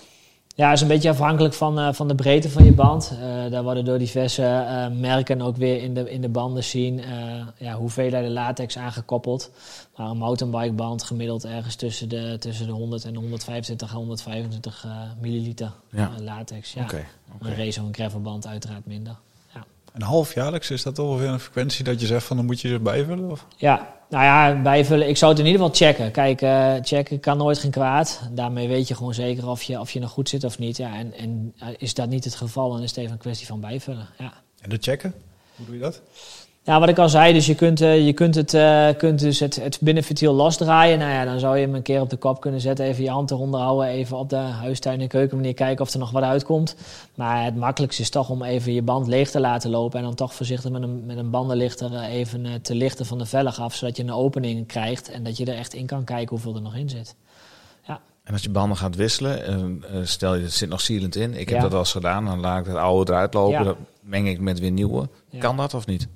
Ja, ik denk het wel op zich, want de werking van het product zou nog goed Ja. moeten zijn. Ons Eh, bent zinnig, hè? Dus dan... Ja, dus ik, ik denk wel dat het kan. Eh, ja, wij doen dat hier natuurlijk niet. Eh, Wij maken ze even netjes schoon. Dus ik, eh, ik haal de band er even helemaal af. We, we spoelen hem even met water helemaal om. En eh, ik leg de band er weer op. En dan gaat gewoon echt Ja. nieuwe, nieuwe Ja, juist. En die, klon- die klonten die erin zitten, dat, dat kan geen kwaad, toch? Wat aan de binnenkant van de Nee, op zich niet. Want ik denk zelf altijd, maar dat is mijn mening. Ja, als er nog gewoon een sealant laagje in zit. Ja, dat is natuurlijk alleen maar extra... eh, eh, ja. Ja. bescherming. Ja. En dan heb ik ook wel eens gehoord dat mensen dan in de binnenband, die rijden met de binnenband, dus in de binnenband doen ze ook wat sealant. Ja. Help- Is dat extra extra? Of ja, daar durf ik geen uitspraak over Nee. te doen. Of dat nou echt, echt functioneel is of niet. Misschien, als je die hele eh, dunne latex binnenbandjes hebt, Ja. die, die roze, dan, eh, dan is het misschien wel te doen. Maar Ja, nee, daar, daar heb ik eigenlijk geen, eh, ja, durf ik geen mening in Nou. te geven, omdat ik het gewoon niet, niet getest Nee, heb. nee, goed. nee. We kunnen niet alles testen, hè? Nee. Eh, zullen wij gewoon de- doorgaan naar, de, naar de krenk? Of, eh, wat, eh. Dat is volgens mij de volgende stap wat je deed. Inderdaad. Dan lopen we dus door naar het midden van de fiets. Nou ja, daar heb je dan vaak nog één of twee bidonhouders eh, zitten. Nou ja, die kun je dan nog even een keer checken of daar de boutjes in ieder geval van vastzitten. Oh ja. Eh, het, is, het is nog wel eens dat er bij mensen toch zo'n zo'n eh, bidonhouder los zit. Ja, en daarmee kan je ook je frame weer beschadigen. Want er zitten weer aansluitingen in het frame om zo'n bidon op te kunnen monteren. En als dat los gaat zitten, ja, bij carbonfietsen ga je dan weer het carbon kapot maken. En daarmee ja, heb je ook weer een hoop kosten. Dus gewoon even preventief checken. Door middel van een inbus of een torxboutje is dat dan vaak. Ja, en dan komen we eigenlijk aan bij de, bij de trappas. Dus het, het draaiende haat van de fiets eigenlijk. En ehm, ja, daarmee eh, eh, check ik dan altijd even of daar ook weer zijdelingse speling op zit. Dus door middel van de crank even naar links en naar rechts te bewegen. Dan voel je vaak al wel of die nou ja, gewoon op zijn plek blijft zitten of dat daar speling op zit. Ja, en zit daar speling op, dan moeten dus de, de lagers vervangen worden.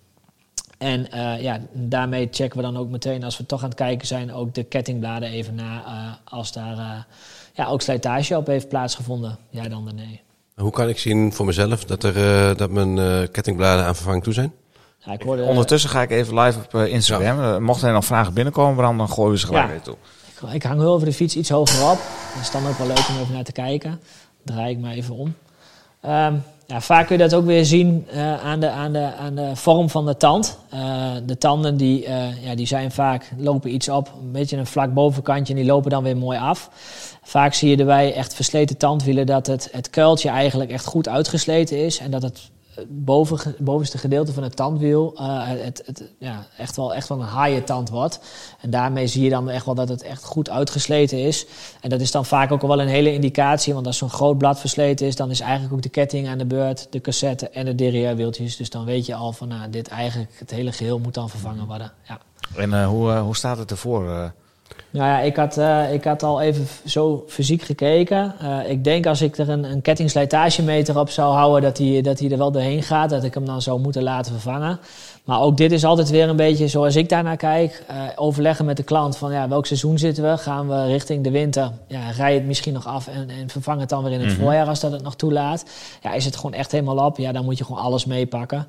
Eh, omdat je anders ook eh, met een versleten ketting nog veel meer componenten kapot gaat rijden. En dat wil je dan ook niet. Dus dan, dan kun je beter gewoon eh, ja, gaan vervangen. Nou, ik, we kunnen testen of die, eh, of die er doorheen zakt. Heb Ja, je zo'n zo'n ik metertje? heb zo'n metertje, ja zeker. Nou, wat, wat denken jullie jongens? Zakt hij er doorheen of niet? Eh, zakt hij er doorheen of niet? Ik denk dat je een heel eind onderweg bent. Ja, hè? Ja, ik heb ja, gezien ja, ja. hoe jij hebt lopen trappen met die bak. Dus eh, ja, Dit is, dit, dit gaat- dit is- Dan staat hier een kleine indicatie op van hoe ver die er dus doorheen valt. Echt komt hij op, de, ja, op het laatste streepje, ja, dan is die eigenlijk wel, eh, ja, wel versleten volgens... eh, Oké. Tromgroffel. Ja, trrrr. Nou, ja, hij zakt er wel doorheen. Dus officieel gezien zou je dan moeten concluderen dat dus de ketting wel eh, ja, versleten is. Ja. ik denk Jouw dat het... blijft hier. eh, Ja, nou, ja. er komt gelukkig een dertiende maand aan eh, binnenkort. Ja, ik dus, eh, Dit heb ik natuurlijk niet altijd standaard in de zak. Dus er zijn wel eens mensen die bij mij binnenkomen en zeggen van... ah, kun je even gewoon naar mijn ketting-tandwielen kijken? Nou ja, dan is dat al gauw een indicatie. En eh, wat je thuis ook nog wel eens kan doen als je je ketting op het grote blad hebt staan... even die ketting zo een keer optillen en even kijken of daar heel veel speling op zit. Als, je die echt, eh, als daar bijna een, een pen tussen past... Ja, dan weet je van ja, die ketting heeft op al die eh, ja, rolletjes zoveel slijtage. Ja, die moet gewoon vervangen worden. En ehm, ja, in mijn ogen, tenminste zo, zo kijk ik daar dan naar. Dus is ook in de fietsenbranche nog wel eens een meningsverschilletje in. Maar ik, ik adviseer mijn klanten hier altijd alles dan gewoon te vervangen. Omdat een nieuwe ketting ook weer inloopt op nieuwe tandwielen. Ook weer nieuwe derrièrewieltjes heeft en een nieuwe cassette. En daarmee ja, alles weer tegelijkertijd inslijt. En zoals ik daar zelf naar kijk, ja, ik denk dan altijd als je alleen een ketting gaat vervangen op versleten ja, kettingbladen of, of, of een cassette, ja, dan loopt die nieuwe ketting net zo snel daar weer op in. En Ja, ja, is heeft het in mijn ogen niet veel zin. Nee, maar eh, als jij hier nu naar zo kijkt, eh, zou je dan zeggen van nou, probeer hier de winter nog even mee door te komen en Ja, ik denk dat dat wel kan. Het is ook een beetje afhankelijk van, eh, van de rijder zelf. Kijk, ik ben zelf eh, niet zo groot. Ik weeg ook niet zoveel. Dus ik zal ook veel minder kracht zetten. Maar iemand die gewoon groter is, die wat meer wattage trapt, ja, die zet daar natuurlijk veel meer kracht op. Ja, dan zal het ook eerder Zit jij nou gewoon naar mij te kijken, Robert Flim? Hoe ben je ook dan geloof ik? Ja, nee, En- heel en ook zware botten en spieren, jongen. Ja. Dit is natuurlijk een gravelbike, dus dat zal minder te lijden hebben dan een mountainbike die hier straks elke week weer eh, ja, de, de, de, de mooie paarse en, de, en de blauwe route op gaat, zeg maar. Dus, ja, eh, ja, ja. Maar zo gauw het echt door gaat trappen, ja, dan is het gewoon echt helemaal exit. Want eh, dat is ook gewoon gevaarlijk. Dus, eh, Maar zolang ja. je gewoon goed blijft schakelen en hij trapt niet door, zou je dan gewoon zeggen van joh, deze winter kun je wel, eh, zou je nog kunnen wachten? Of? Ja, ik denk het wel. Want uiteindelijk, mijn advies is dan toch van alles vervangen. En ehm, dan wordt toch alles al meegenomen. En als jij daar zelf geen hinder van ondervindt, ja, dan ga ik niet tegen jou zeggen van... hé, hey, we moeten nog maar toch alles vervangen. Ik vind dat ook een goed advies. En dat vind ik dan ook wel weer belangrijk. Ja. Dus, eh, Oké. ja. Ik zie dat ondertussen allemaal mensen aan het meekijken zijn eh, via onze live van Instagram. Ja. Het is koers zitten we nu op. Eh, Mochten mensen nou vragen hebben, ik zie dat eh, onze oude dibbes, eh Jaap Bouwmeester, die gewoon al over de 60 is en on the ride, gewoon ons er even oplegde. ook aan het kijken is. Mocht hij nou vragen hebben, dan stuur hem gewoon even in. Dan kun je gewoon reageren. Ik zet hem nog eventjes een paar minuten open en dan kunnen mensen Ja. gewoon vragen stellen. Als je nog een vraag hebt over, nou noem maar wat op, iets van de fiets, dan, dan behandelen we die gelijk. Ja. Oké, Eh, nou, mijn portemonnee begint steeds meer Ja. pijn te doen, eh, heb ik Ja. het gevoel. Dus eh, Maar we gaan op zoek naar meer. We gaan op zoek, we gaan op zoek naar meer. Goed, dat hebben we dan eh, ja, gecheckt. Ja, dan de nee, trappers, lage sketting, tandwielen. eh nou ja, voorderieur. Ook altijd even controleren of die gewoon goed vast zit. En ehm, ja, ook even gewoon kijken van hoe schoon ziet het er van binnen uit. Vaak kan ik daar ook nog wel weer een beetje zand verwijderen en even de boel eh, ja, netjes maken weer. Ja, en de pedalen is natuurlijk ook een belangrijk onderdeel. Ehm, dat is ook wel eens weer iets, ja, daar geven mensen vaak geen aandacht aan. Want dat is echt zo'n zo'n onderdeel, dat doet het altijd bij mensen. Maar vaak zie ik ook wel weer dat de veren in die pedalen eh, ja, behoorlijk eh, roestig zijn of, of helemaal droog staan. En dat als je zo'n pedaal ronddraait, dat bij sommige mensen ook, ja, je voelt echt die kogelbaan al, al aangetast zijn. Ja, dan is het misschien ook een keer tijd voor nieuwe pedalen. Want er is niks vervelender als dat je onderweg een mooie rit aan het maken bent en dat in één keer dat pedaal weigert. Ja, dan sta je ook stil en dan, dat wil je ook niet. Ik durf het bijna niet te vragen. Maar Ja. nou, Ik denk een paar nieuwe. wat is het oordeel? Hij draait nog soepeltjes. Ze zijn, eh, ze zijn goed gebruikt, denk ik. Er zit, eh, ja, er zit al wel iets, iets speling op. Eh, maar goed, ook in dit geval heb je er zelf op dit moment nog geen problemen mee. Nee, ja, dan nee. kun je er natuurlijk gewoon mee doorfietsen. Maar een keer een paar nieuwe pedalen zijn snel gekocht. Dus, kan ik niet gewoon beter een nieuwe fiets kopen, zeg jij? eh Nee, nee, nee, Nee, die fiets heeft... Ja, nee, nee, dat, eh, ja, gekheid. ja, Ja. Ja, mooi. ja. Oké. Zo eh, begint het vaak wel, hè? Ja, Robert, Ja. Er, zit al, er is alweer een zaadje geplant, Ja. maar Ja. daar hebben we het later wel een keer over. Eh, Oké, en nou, dit is eh, een fiets uitgerust met DI-tool. eh, dus dan heb je een voordeur wat als één blok zit. En dan, eh, hoe controleer je nou of daar iets mee is? Haal je die er ook echt af? Eh, nee, eigenlijk niet. Kijk, dit, eh, dit moeten we allemaal via de computer uitlezen. Dus ik kan hem wel eh, voorzien van nieuwe, nieuwe software. Bij de nieuwe 12-speed kunnen we hem zelfs met een app gewoon ook heel mooi uitlezen en, en updaten. Dus daar hoef ik eigenlijk niet zoveel aan te doen. Maar een ouderwetse mechanische derieur met een kabel, ja, die heeft wel weer onderhoud nodig. Want ja, die kabel die, eh, ja, die gaat, eh, gaat slijten. Eh, daar komt ook vuil in. Nou, dat geeft, geeft een bepaalde wrijving. Nou en dat heeft ook weer invloed op het schakelgedrag. Dus ja, die moeten we wel echt regelmatig bijstellen. En ook eventueel qua kabel en dergelijke vervangen. Ja, Jij noemde een updateje. ja Die, eh, die elektronische eh, materiaal, die, die, die, die moeten echt eh één keer de zoveel tijd een update krijgen? Of Ja. hoe, hoe moet ik dat zien? Ja, dat is voor mij soms ook een beetje abacadabra. Ik weet natuurlijk niet wat er dan geüpdate wordt. Ik zie dat er een update is en die, die vindt dan plaats. Maar ja, dat, dat wordt allemaal door Shimano natuurlijk achter de schermen geprogrammeerd. Soms worden er nieuwe functies toegepast. Dus dat er iets, iets verandert in het schakelgedrag of iets dergelijks. Maar vaak is net als met de computer thuis zeg ik dan altijd tegen de klant... eh, ouderwets gezien, de computer, ja, die moest ook vroeger altijd een update hebben. één keer in de zoveel tijd. Ja, en dat is ook met jouw eh, elektrische systeem het geval. Ja. En nou, nou is dit een eh, elektronisch schakelen. Ja. ik zelf doe dat, of, of, heb dat dan niet. Nee. En nu heb ik wel eens dat als ik aan het fietsen ben, dat ik hem net niet lekker op het kleine krantje krijg. Ja. Dan wordt er gezegd, oh, dan moet je aan de voorkant moet je ergens iets draaien of aan de achterkant moet je Ja. iets bijstellen. Ja, dat kun je nou natuurlijk op deze niet, niet, niet laten zien. Maar Nee. ehm, wat moet ik dan eigenlijk doen? Ja, eh, ik denk dat het makkelijkste uit te leggen is even een mechanische derieur. Dat zullen ook de meeste mensen hebben. Eh, vaak als die gewoon aanloopt, is het een, een bepaalde ja, manier van de kabelspanning eh, veranderen. Dus hoe meer spanning je vaak een derieur geeft, hoe verder die nou ja, op kan. Nou, en daarmee kun je hem dus vaak vrij laten lopen. Maar dat heeft dan wel weer te maken met de uiterste. Je hebt vaak een tweetal schroefjes op een derieur zitten. En die bepalen dus eigenlijk hoe ver die derieur naar buiten mag komen of hoe ver die naar binnen mag vallen.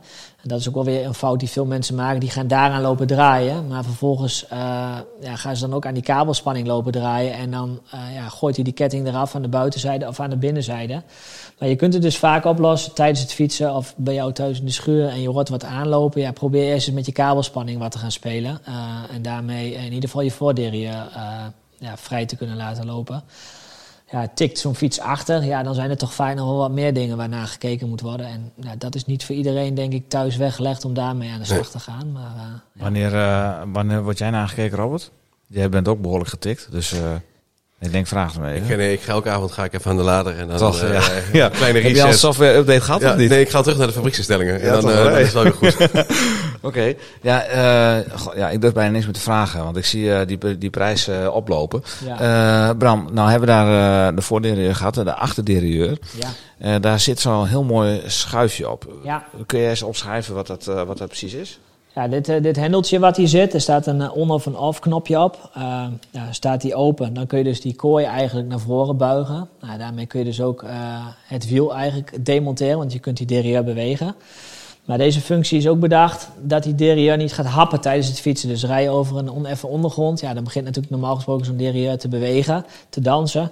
En daarmee houdt hij eigenlijk mooi die ketting stabiel. Dus dit knopje moet eigenlijk altijd zo, zo staan dat jouw derailleur niet, niet kan bewegen eigenlijk. Daar is die functie. Is eigenlijk, eh, je moet, moet je zeg maar zien als een, als een lockout bij, je ja, bij een je voorvork. lockout, ja. Ja, ja, Dus die moet altijd, eh, altijd gesloten zijn, zodat hij niet, eh, niet kan happen tijdens het fietsen. Ja. Oké, mooi. Ik dacht altijd dat het voor het eh, stuiteren was in de afdaling die heel eh, rotsachtig was eh, in, in de berg of zo. Ja, dat dacht ik ook. Ja. Gewoon voor de, maar dat de ketting niet zo klappert. Ik heb mij nog niet zo lang geleden laten vertellen dat, eh, dat hij juist open moest zijn. En dat hij, hij pas, moet- pas hij op het moet- moment dat je echt ruige ondergrond had, dat je dan dicht moest zetten. Hij moet tijdens het fietsen eh, echt gesloten zijn. Althans, dat heb ik dan ook weer bij Shimano geleerd tijdens een, een training al daar. Dus ja, Oké, eh, we hebben wel even één vraag eh, binnengekregen van Berend Veneklaas. Die, eh, die vroeg dat ook al online. Wax of olie? wij doen hier eigenlijk alles met wax. Wax? Ja. Alles met wax, En, oké. en de reden daarvan is, zoals ik daar dan weer naar kijk, ook daar zullen in de fietsenwereld natuurlijk wel weer de meningen over verschillen. Maar ik denk toch dat een wax ehm, ja, toch gewoon schoner blijft. En zeker zoals wij hier die fietsen gebruiken, het is vaak nat, eh, veel vuil, zand. Ja, en met een olie gaat dat allemaal plakken. Nou ja, eh, dat is net schuurpapier op een ketting. Ja, dat geeft wrijving, ja, slijtage. Dat gaat in die olie zitten. Dat wordt één smerig eh, ja, aangekoekte bende, om het maar even zo te Ja. zeggen. Ja, en een wax is gewoon een droog product. Dat breng je aan, dat droogt op. Dat smeert verder goed. En wanneer je dus een keer die boel moet schoonmaken, is het in het ergste geval een keer met een, met een harde borstel over die ketting en dan met een droge doek navrijven. En dan is die ketting vaak gewoon weer brandschoon. En dan is het even een nieuw, la- eh, nieuw waxlaagje aanbrengen en eh, hij staat weer klaar voor de volgende rit. En dat je, bij, eh, bij olie heb je natuurlijk eh, voor, voor droge omstandigheden, voor natte omstandigheden. Ja. Bij, mak- bij wax maakt dat niet uit? Nee, bij wax heb je gewoon één type wax. Althans, eh, ja, die wij dan gebruiken. Eh, maar goed, mijn kennis gaat daar ook niet zo ver in. eh, wat alle merken in de markt hebben. Maar dat verandert natuurlijk ook continu. Maar eh, ja, wellicht dat daar ook al weer opties en varianten in zijn. Oké, ik zie eh, zelfs dat eh, vriend van de show, eh, Pim Ronnaar, eh, die zegt... eh, zij doen ze de ketting zelfs in een pot met wax die ze verwarmen. Ja. Is dat dan eh, speciaal eh, spul?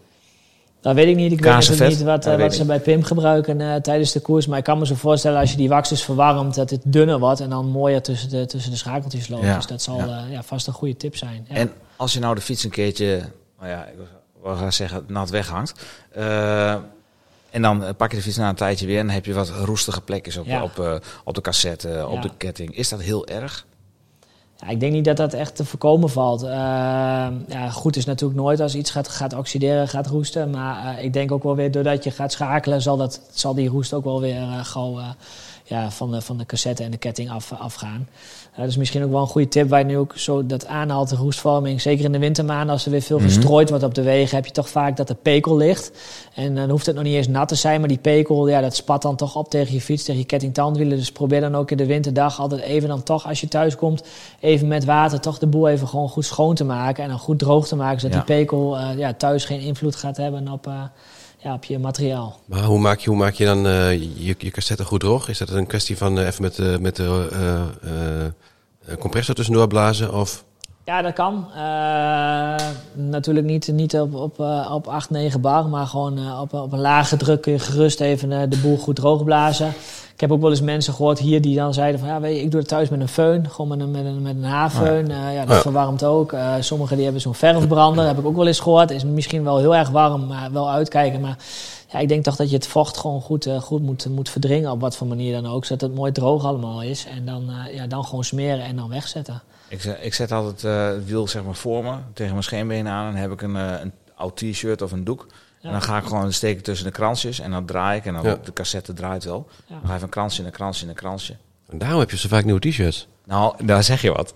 Ik heb dus één keer gehad, daar had ik, ik had zo'n ongelooflijk fijn wit t-shirt. Hè. Dat is, soms heb je van die kledingstukken en denk, oh, die is zo fijn. Dus ik heb eens een keer wezenloos lopen zoeken naar een t-shirt. En eh, ja, ik wist niet waar ik hem gelaten had. Een half jaar later dacht ik, verrek, daar poets ik altijd de cassette mee. dat was wel even jammer. Is, is, wel, een- is wel een mooi einde van het t-shirt. Ja, zeker. Goed gebruikt. Oké. gewoon weer aangetrokken daarna. Ja, ja, Ja, dat maakt hem niet uit. ja. Eh, even kijken. Eh, ik zie Rick Waterstaat. Die zegt eh, metalen of resin eh, remblokken in de winter. Ik dacht een vraag over spaken. Maar Nee, nee, nee. nee dat eh, loopt in spaak bij hem. Weet jij toevallig? Ja, dat heeft te maken met de hardheid van het blok. Ehm, En ook weer de omstandigheden waarin je gaat fietsen. Dus een, een harde blok zal, eh, ja, wanneer die goed is ingeremd eh, zijn, zal die ook langer meegaan. Ja, en een zachter blok zal eh, ja, bij nattere weersomstandigheden natuurlijk ook sneller slijten. Maar vaak is dat dan wel weer wat meer een high-performance blok. Maar goed, ja, de winters hier zijn natuurlijk altijd vrij nat. Dus ja, ik, ik, heb toch wel de illusie, als het maar nat genoeg is, slijt alles gewoon en gaat alles kapot. En ja, moet je er gewoon goed, goed naar blijven kijken. Ik denk dat dat het belangrijkste is. Welk blokje ook plaats, blijf het gewoon goed controleren, zodat je geen, uh, ja, geen schade aanricht. Oké. Ja. Uh, en dan, uh, nou, dan gaan we zo de livestream sluiten en dan gaan wij de podcast afronden. er is een vraag van Dennis Verhees. Misschien heeft hij hier toevallig een fiets besteld, maar die vraagt: hoe lang doe je het erover om een complete racefiets of gravelbike op te bouwen? Nou, een goede vraag. Uh, ligt er een beetje aan uh, ja, wat voor een type fiets het is uh, en, en, hoe zo'n fiets is afgemonteerd. maar een gemiddelde fiets, ik denk als je hem goed klaar wil maken, dat je toch wel ja, 2,5, 3 uur wel, wel ja, bezig bent met eventueel nog aanpassingen, wensen van de klant, een bidonhouder, tubeless maken, mm -hmm. een, een ander stuurlint of andere banden of een ander verzet of, of wat dan ook. Ja, dat, daar moet je wel aandacht aan besteden. Ja. En uh, ja, ik zie dan soms wel fietsen met van die spaghetti kabels er helemaal aanhangen. Dat ik denk van ja, als die fietsenzaak daar nou even net even die leiding wat dat mooi had ingekort. En uh, net even de, wat meer aandacht aan besteden. Ja, denk ik toch dat je uiteindelijk op langere termijn uh, ja, meer blije klanten over Ja, dus, oké. Okay. Ja, ja. Freddy, 2,5 tot 3 uur. Hoe lang zou jij erover doen, denk je? Om een fiets op te bouwen? Is dat een serieuze vraag? Ja, zou je het aandurven, een fiets opbouwen met YouTube? Uh, nee, ik, uh, uh, wat ik in de praktijk doe, is vaak dat ik bij jou in de schuur terechtkom. Ja, dat, oh ja, ja. Samen, proberen hè, de band van de verf te krijgen, weet je nog? Ja, dat weet ik ook nog. Dat was een leuke. Dat was een leuke, ja. ja. ja dat is niet gelukt. Nee, ik denk nee. wel een, een fietsshowroom klaarmaken, gewoon even uit de doos halen, gewoon opbouwen. Ik denk een half uur, drie kwartier en dan, dan is zo'n fiets in ieder geval toonbaar. Dan kun je er ook wel mee remmen en, en ook wel mee schakelen. Maar goed, dan zeg ik altijd wel tegen de klant ook... ja, dat kan best een keer zijn dat er nog eens iets in een schijf aanloopt. Of, hè, maar dan is die show ja, weer klaar. Ja, oké. Okay. Ja. Mooi. Nou, goed uh, rij klaarmaken is wel, uh, ja, is wel belangrijk. Ja, zeker. Nou, Dennis Verhees, uh, die is je eeuwig dankbaar, zegt hij. Dus heel mooi. wij gaan hier verder met de podcast. Dus deze livestream gaan we beëindigen. Kijk, dit, ik bestuurde hem van achter de desk hier. Ehm, wil je nou meer weten over, over alles over onderhoud? We nemen nu dus de podcast op. Die komt morgen online op pedeleurs. Uh, uh, vind je hem op uh, vriendvandeshow.nl slash pedeleurs, maar ook op uh, Spotify, iTunes, in je Favo podcast app, zo zeggen we dat dan. Dus ga het volgen. Volg ons ook op pedeleurs.cc. Herman Beleef fietsen kun je ook al volgen.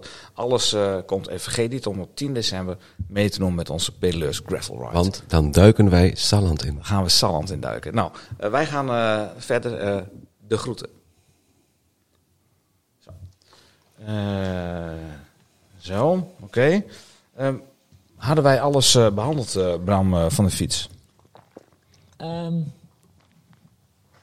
ja, in grote lijnen wel, denk ja, ik. ja, denk ik wel. Ja. Want volgens mij zat ik hier en achter, als ik het hele lijstje doorloop, dan hadden we achter, hadden we de achterwiel, checken daar nog iets? checken de spaken trouwens ook. Dat is een goede vraag. Ja. ja. ja. Um, ik kan ze wel checken, maar vervolgens het aandraaien daarvan, dat is vaak nog wel weer uh, ja, uh, specialistisch werk. Je kunt niet zomaar aan een spaak gaan draaien. Uh, de meeste fabriekswielen, eerste montage, ja, daar, daarin zie je toch nog wel eens wat, wat verschil qua spanning. Maar vaak de wat duurdere wielen, in mm. ieder geval mooie DT6 wielen. Ja, daar wordt wat meer aandacht aan gegeven. Zie je dan wel dat de fabrikant elke spaak op een bepaalde spanning zet. En ja, daar moet je niet zomaar aan gaan draaien. Want vervolgens ga je eigenlijk het hele wiel niet meer mooi in, in ja. één lijn zetten. Dus dat, uh, ja, daar, daar, kom ik niet zo gauw aan. Uh, ja, wij werken hier weer plaatselijk met een, met een goede wielenbouwer uit de regio. En daar laten wij dus heel veel wielen bouwen, specifiek uh, voor elke klant. Uh, omdat je dan echt na wens van de klant iets laat opbouwen. En ja, gewicht van de rijder, velgebreedte. En goed, daar kun je ook een boek over schrijven. Maar ja, daar kan je niet zomaar aan gaan draaien even. Nee. nee. Oké, okay. nou laten we dat vooral niet gaan doen. Nee. wat mij betreft, Bram, mag je weer de koptelefoon opzetten. En dan zet ik dit microfoontje uit. En dan mag je weer de gewone microfoon pakken.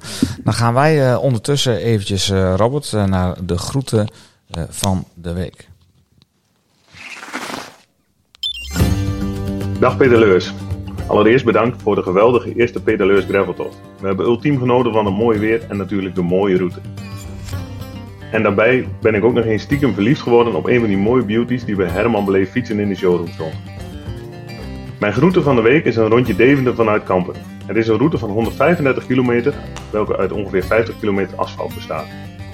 Onze Hansenstad staat helaas niet bekend vanwege haar mooie gravelwegen. Dus na de stad vanaf stations Kampen rijden we over de IJsseldijk richting Hattem. Vanaf de Veluwe trekken we door de open weilanden waar ware gravelpareltjes verscholen liggen. Bij Deventer steken we de IJssel over richting Diepeveen. Bij Diepeveen passeren we Hotel Gaia, een echte aanrader voor een tussenstop met een lekker bakje koffie. Vervolgens gaan we via Sallandse zandwegen en klinkerpaden terug naar Zwolle. Hier komen we op de IJsseldijk uit en gaan we terug naar Kampen. De groeten, Jeroen. Nou, eh, Jeroen, ontzettend bedankt voor het inzenden. Eh, je was ook aanwezig bij onze gravel ride. Het was hartstikke leuk. En eh, je had ook een hele dikke fiets van de show, kan me nog herinneren. Als ik deze route ga bekijken, Robert, het doet me een beetje denken aan de route rondje, rondje meer IJssel. Rondje met IJssel, ja, ja, die, inderdaad. we- die we volgend jaar gaan doen. Dat is een fantastisch stuk over de, over de oh, zeker. Maar dit biedt dus ook mogelijkheden om het op de gravelbike te doen. Dat zie je wel. Nou ja, De afstand. En mooi in de buurt eigenlijk nog. Ja. Je, je- we kunnen, vanaf ons kunnen we hem eh, Nou, nog zeker. redelijk dichtbij eh, Zeker. oppakken. Nou, mocht jij nou denken, ik heb ook wel een leuk, eh, leuke, route, een leuke route die ik eh, met jullie wil delen en de groetjes doen aan iemand, het mag natuurlijk altijd. Zijn er nog eh, plekken waar we nog weinig routes hebben? Ja, het westen van Nederland. Maar de volgende keer hebben we er eentje uit eh, de, onder de rook van Rotterdam. Dus mocht je nou een route willen delen, dan ga even naar vriendvandeshow.nl slash pedeleurs. En dan laat je even een spraakberichtje achter over de route. En je tagt ons pedeleurs op Komoot en dan voegen wij de route toe. Appeltje eitje. Zeker. Nou, eh, volgens mij eh, komen we nu eh, aan op het, het punt van ja, wat ingezonde vragen, Robert. En en tips en trucs. Hadden we nog wat binnengekregen? Ja, ik loop even, even de vragenlijst. Sommige dingen hebben we al hebben gehad, al, inderdaad al, eh, al Ja. gehad. Eh, de tips over de frequentie van, van het tubeless navullen, die hebben we gehad voor, voor backcorner gravel. Rick heeft al zijn vraag gesteld. Dat is ook wel een goede trouwens. Hoe bereid je je fiets voor op de winter? Ja. Dan komt de winterperiode komt er weer aan. De een die zal zijn eh, cassette eraf halen om eh, bovenop Zwift te gaan, eh, gaan rijden. Maar hoe bereid je nou je fiets als je buiten wil blijven fietsen goed voor? Ehm, ja, ik denk toch dat een, goede wintercheck wel van belang is. Dus ja, breng je fiets gewoon naar een, een goede fietsenzaak heen. En ik denk dat daar overal een, een extra likje vet eigenlijk aangesmeerd moet worden. Even, ja, zoals we dat hier dan zeggen. Want ja, een beetje goede smering is natuurlijk wel van belang. Omdat Ja. zo'n fiets gewoon wat meer eh, vocht en eh, ja, rommel te verduren krijgt tijdens, tijdens al die ritjes. En eh, ja, dat is gewoon heel belangrijk. Oké, nou mooi. Ehm, even zien, wat hadden we nog meer? We hadden mensen die wilden wat DIY-tips, dus do-it-yourself tips. Ehm, volgens mij had eh Gosse van der Meer had erop gereageerd. Hij had eigenlijk twee tips. De eerste was eh, na een vieze dus altijd je fiets schoonmaken, even afspuiten, eh, even eten, je ketting droog maken, invetten. Dus een spuitplaats thuis, een tuinslang moet je wel bij de hand hebben. Zet hem in elk geval een beetje schoon weg. En de tweede was, Mensen kopen wel een dure fiets, maar de gemiddelde beurten laten ze vaak niet doen. Nou, dat is wat Bram net ook al zei. Hè? Je auto moet immers ook APK voor een beurt, dus bij een racefiets ook. Ieder jaar je remvloeistof laten versen, evenals de lagers. Ehm, dat zijn dus dingen die wij niet zelf gaan doen, maar laten doen. eh, hebben wij vanavond kunnen concluderen.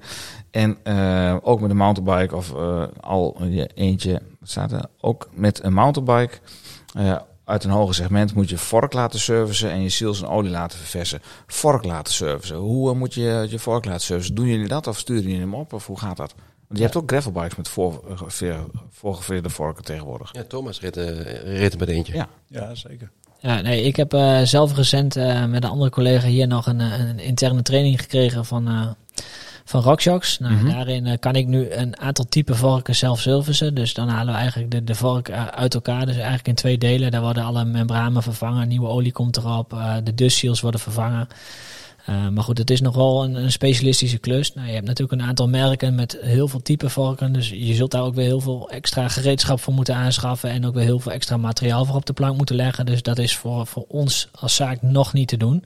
Dus misschien dat we wel in de toekomst eh, ja, er iemand bij aan willen nemen die dat, eh, die dat alle dagen gaat doen hier. Dus een, een goede eh, revisie kan, plaatsen, of, kan laten plaatsvinden hier in Ja. de zaak. Ja. Maar doorgaans sturen wij ook een, een aantal vorken gewoon in. En laten we dat dus gewoon doen. Maar het klopt het dan dat als jij dan een vork moet laten opsturen, dan gaat die vork dus daar naartoe en dan krijg je een andere terug. Je krijgt niet dezelfde vork terug. Of is dat een fabeltje? Eh, nee, ik krijg netjes gewoon eh, dezelfde van Oké. terug die ik instuur. Ik vraag er ook vaak bij eh, aan, eh, aan degene die we dat laten uitvoeren... of die ook alle onderdelen die die vervangt mee wil, mee wil sturen terug hier naartoe. Zodat ik ook de consument kan aantonen van kijk, dit is er vervangen. En eventueel ook nog met foto's kan aantonen als er schade is. Mhm, of of mhm. nou, hè, hoe het Ja. er van binnen uitzag. Ja, oké. Ja. Ik eh, zit ondertussen even de vragen eh, langs te lopen. Uh, Joep Bimberger zegt eigenlijk nog van onderhoud aan lagers vind ik eigenlijk eh, altijd voelen als, als ingewikkeld. Eh, te ingewikkeld om zelf te doen. Is dat een, een?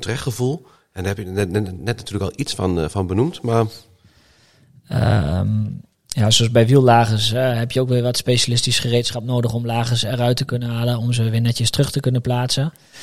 Ja, en het, het, het onderhouden van een lager zelf is, is vaak ook wel lastig, want je moet alles heel goed kunnen schoonmaken. Je moet weer het juiste vet terug kunnen plaatsen, de juiste hoeveelheid, de juiste ja, materialen ben je er gewoon bij nodig om dat thuis te kunnen doen. Dus ik denk niet dat de gemiddelde consument dat zelf heel gauw eh, zal gaan doen. Nee, dus nee, dat is nee. wel lastig, ja. verder heb jij veel eh, fietsgereedschap thuis eh, in de schuur hangen? Nou, dat is, dat is eh, eh, kijk, zeker in het begin had ik eigenlijk helemaal niks. Dus eh, de- ik kon ook helemaal niks zelf eigenlijk. Totdat je er echt achter komt, ik moet ook echt wel dingen gaan bijstellen. En dan ga je eens kijken van wat moet ik, eh, wat moet ik eigenlijk hebben. En, uiteindelijk heb ik zo'n koffertje gekocht. Zo'n kant-en-kaak eh, koffertje die, die je kunt bestellen. En daar zitten de standaard dingen die, je- die je eigenlijk moet hebben. Die, eh, om je cassette eraf te halen bijvoorbeeld, eh, die zitten erin. Ehm, maar lagers vervangen, ik denk niet dat ik, eh, dat ik daar ooit aan zou, eh, zou beginnen. Heb je al eens een cassette eraf gehaald? Ja, ja, zeker. Ja. Oké, hoe ging dat? Ja, nou ja, je hebt er ervaring mee, hè? Dus eh, Oh, die, die cassette. Oh, die Ja. waar een ringetje Ja. niet, eh, niet Ja, achter ja, zat. Ja, die ja. kregen we er niet af. Nee. kregen er niet af. Nee, we konden hem op de bankschroef zetten, maar dan denk ik van ja, dan gaat er misschien meer kapot. Nee, Dus- Ik ben zo iemand die in de winter dus doorrijdt. En, eh, Mhm. en eh, mijn cassette die, eh, die begon echt eh, heel snel roestvorming te vertonen. Omdat ik hem ook eh, nat eh, wegzette op het werk. En, eh, en toen heb ik hem wel een paar keer af moeten halen om ook eh, echt eh, goed schoon te maken. En, Ja, ja. En de, de eerste keer dat je een kettingzweep in de hand had, dacht je, wat, wat Ja, is dit? De, de mist een stuk van de ketting? Of? Zoiets, zoiets. Ja, ja. precies. Ik vind het ook heel vreemd eh, gereedschap. Ja. ja, die is niet eh, voor de slaapkamer, nee. Maar Eén nou, keer. Nou, nou, nou ga je zo meteen eh, mechanisch rijden. Eh, Nee, eh, elektronisch. Ja, sorry, Elektronisch. Ja, sorry. Je, je rijdt nu mechanisch, je gaat zo meteen elektronisch rijden. Eh, hij zegt, hij rijdt door in, in weer en wind. Ja. kan dat kwaad eh, met, met, met water? Nee, in principe niet. Ik, eh, ik zeg dat hier ook altijd tegen alle consumenten wel dat die systemen natuurlijk eh, voordat ze op de markt zijn gekocht wel uitvoerig getest zijn. Dus eh, in principe kan dat, eh, kan dat geen kwaad ten opzichte van een mechanische derailleur, denk ik. Nee. Maar goed, alle, alles kan kapot, maar eh, ja. Alles kan kapot. Alles Ja. kan. Ja, nou, daar zijn we weer. Ja. Eh, een quicklink, is dat aan te raden om eh, in je ketting te doen? Die kun je dan makkelijk losmaken om, om hem te reinigen. Ja, officieel zegt de fabrikant daar ook weer van, ja, mag eenmalig gebruikt worden en moet dan vervangen worden voor Ja, een nieuwe. Maar, ja. maar goed, eh, in de praktijk gebeurt dat natuurlijk niet Nee, altijd. Het is ook Nee. makkelijk als je onderweg wat krijgt. Hè? Wat, wat voor gereedschap moet je nou onderweg sowieso bij hebben volgens jou? Ja, ik denk toch wel een, eh, een multitool is essentieel met eh ja, eh, inbus, torx. eh, nou, sommigen hebben een ingebouwd kettingponsje eh, met, met schroevendraaiers en dergelijke erin. Mm. Eh, CO2-patroon met een, met een houder om, om eventueel te- een band te kunnen oppompen is natuurlijk wel essentieel, denk ik. Bandenlichter hoort daar natuurlijk bij. Eh, Ja. ja. Ja, en jij hebt altijd een achterpadje bij je. Ik heb altijd een achterpadje bij twee. Ja, ja, ik ben er doorheen. Ik, ik moet Niels even eh, vragen of hij nog even iets opstuurt. Ik, moet eh, trouwens zeggen dat eh, dat multitooltje wat wij allebei hebben, eh, die, die in, in, in dat eh houdertje, zeg maar, waar je en, en eh, een CO2-patroontje kunt doen, die vind ik wel super ideaal. Oh, die met die plug eh, set Ja, ja, ja, ja. ja, ja. Ja, dat is inderdaad handig. Die steek ik wel altijd bij me. Ja, nou niet in je, toch? Nee, oké. Nee, nee, nee, nee, ja, ja, ik nou, hoop niet dat je iets hoeft te pluggen. Die steek ik altijd bij Dan me. gaan we een hele, nee, we gaan laten die afslag niet nemen. Goed. Eh, ik heb nog even één vraag eh, over de DI-tool waar we net over hadden, Bram. Die moet je opladen. ja. Eh, hoe zie je nou dat... Ja, kijk, als je thuis een lader doet, dan zie je wel dat die vol is. Want dan stopt het lampje met Ja. knippen. Maar hoe zie ik nou onderweg van... Oeh, ik heb een tijdje niet aan de lading gehad. eh, waar kan ik dan naar kijken om te zien of die nog vol zit? Ja, dat kun je dan eh, bij diverse systemen inmiddels met een app ook weer, ook weer zien. Dus daarmee kun je dan je, je batterijindicatie zien. Je kunt het eventueel nog koppelen op een, eh, op een Garmin. Dus daar kun je nog een, een batterijindicatie op zien. ja. Of een Wahoo, sorry. Ja. Ja. Nee, nee, nee. Ja. oké, sorry. Nee. In ieder geval op een navigatie. En, Ja. ja, ik denk dat dat wel het belangrijkste is. Ja. Ja. Ja. En ik heb daar niet een Bluetooth eh, ontvangertje in zitten. Die moet ik daar nog ergens tussen plaatsen met de kabeltjes. Hoe kan ik het dan zien? Want ik heb ook knopjes erop zitten. Ja, die ledjes die Ja. dan van kleur veranderen. Oké. Ja. En dan is eh, groen is vol en eh, als die knippert is die voor de helft. Dus- Ja, ja. dat. Ja. Oké. Eh, kun je dan, want ik heb, ik heb het zelf nooit gedaan. Ik heb, tenminste de race heb ik het wel ingeschakeld. Dat die syn, synchro, synchro shift. shift, ja. Dat hij zelf meeschakelt als ik te ver naar links achter ga. Ja. Dan gooit hij naar het binnenblad. Ja. Kan dat ook op deze van de gravelbike of niet? Voor zover ik weet wel, ja. ja. Oké. Wat is het voordeel daarvan? Eh, ja, dat het gewoon wat mooier, mooier met elkaar samenschakelt en dat je zelf nooit, eh, nooit mis zit eigenlijk. Dus, Nee. eh, ja. Oké. Verder, je kunt het ook gewoon voor je laten schakelen. Ja, dat, eh, ik, ik zie alleen maar voordelen. Oh, je Ja. bent, jij, jij bent van het gemak, eh, hoor ik. Ja, ja, ja. Je hebt, zelfs, je hebt zelfs knopjes op je shifters, daarmee kun je ook schakelen. Maar dan moet je wel die Bluetooth-verbinding Ja. eh, hebben. Ja, hè. dan klopt. kun je gewoon, je kunt je Wahoo of je Garmin bedienen daarmee. eh, dat is Ja, wel, die dat is Bluetooth, wel- dat Ja. moet je apart... eh, ja, moet je er apart zetten. Ja. Eh, achterpadjes. Hadden nog eh, iets over die ja. ketting die, die eh, onderweg eh, tussen je frame en je kleinste blad eh, eh, vast ging zitten. Eh, dat mensen er echt heel lang mee hebben lopen, lopen pielen. ja. Hoe kan dat?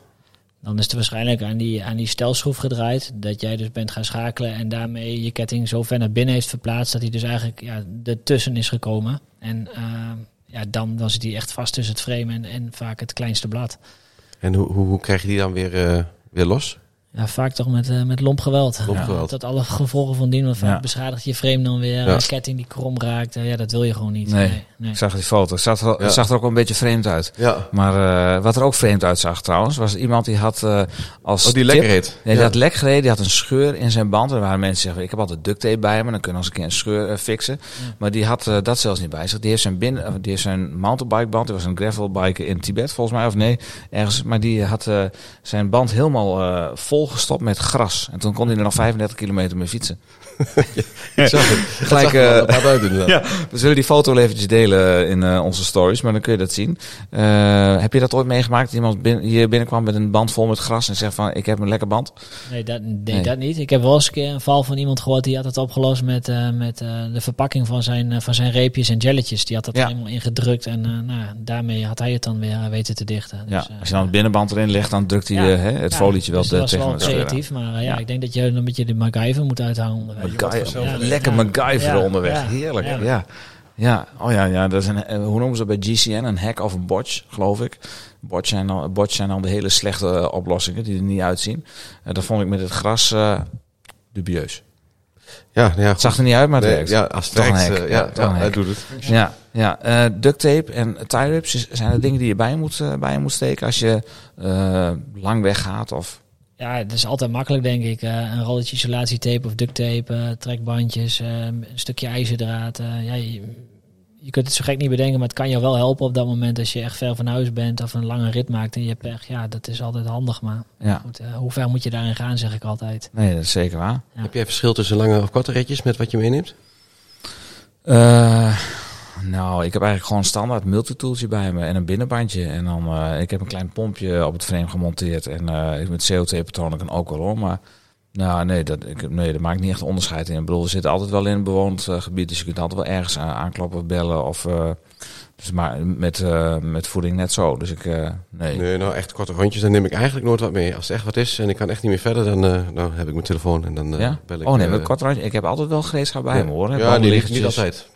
Dat, je zult ongetwijfeld zien dat heel binnenkort dan een keer misgaat. Maar goed, dat, Ja, nee, ja, goed. we het niet hopen, Robert. ik denk altijd, ik- dan heb ik al zo lang heb ik niemand hoeven bellen. Dan mag het ook één keer Ja. al. Eh, over bellen gesproken. Hide My Bell. Dat zijn van die hele makkelijke eh, houders voor, je, voor de navigatie. Had Evelien van de Hek, die had eh, het ringetje was eruit gegaan of het schroefje. Dus die had eh, gedacht van dan moet ik de hele tijd mijn Garmin eh, vasthouden, schreef ze. Dus die had uiteindelijk opgelost door een haarbandje eromheen te knopen. En toen bleef hij wel zitten. Dan Dat heb was haar live hack, denk ik. dat was een live hack. Nou, ik heb nooit een haarbandje bij me, dus eh, wij zullen het op een andere manier moeten doen. Maar dan zou een tie rip hier weer eh, heel goed eh, werken. Ik had trouwens tie rips mee toen wij eh, naar eh, Oors eh, reden in Denemarken. Dat wist ik, daarom had ik ze niet bij me. En ik maar met die zware fiets eh, sjouwen. Ehm, jij had volgens mij nog eentje over iets met een scheurtje in het frame. Ja, wat, wat nu als je een, een scheurtje in je frame ontdekt en je bent aan het fietsen? Eh, moet je je dan zorgen maken? Ja, dat, dat doe je sowieso, want onderweg loop je, oh, wat gaat me dit kosten? Ja. Maar zeg je dan eh direct stoppen en, en, en niet meer fietsen? Of zeg je van, nou, afhankelijk van waar die zit, Ja, ik denk afhankelijk van waar die zit, dat je zelf ook wel een beetje nuchter kan nadenken. Denken van, ah, hoe, hoe, hoe ernstig is dit? Is het echt een hele grote scheur of is het een, een klein scheurtje? Ehm, en vaak is dat scheurtje op dat moment ook niet ontstaan en zit hij er vaak ook al wel langer in. Ja. Maar goed, ontdek je dat, ja, gewoon altijd naar een, eh, een goede fietsenzaak gaan. En die kan dan natuurlijk contact opnemen met een eh, ja, eventueel herstelbedrijf die, eh, die dat zou kunnen laten herstellen. Ja. Ik heb het gelukkig nog niet ontdekt, maar dat... eh, Nee, dat nee, nee, oké. Dat Eh, wel zo houden. Ja, nee, vooral. Ja, ja, vooral. Ik had daar nog wel een vraag over, hè? want op heel veel eh, plekken op de fiets staat ook eh, vaak op een moment eh, waar die aangehaald moet worden. hè. Heb je, heb je daar dan ook, eh, is, is dat echt noodzakelijk om daar een momentsleutel voor te hebben? Of, Ja. of, Is vast of vast is vast, of moet je echt die, die Newtons aanhouden?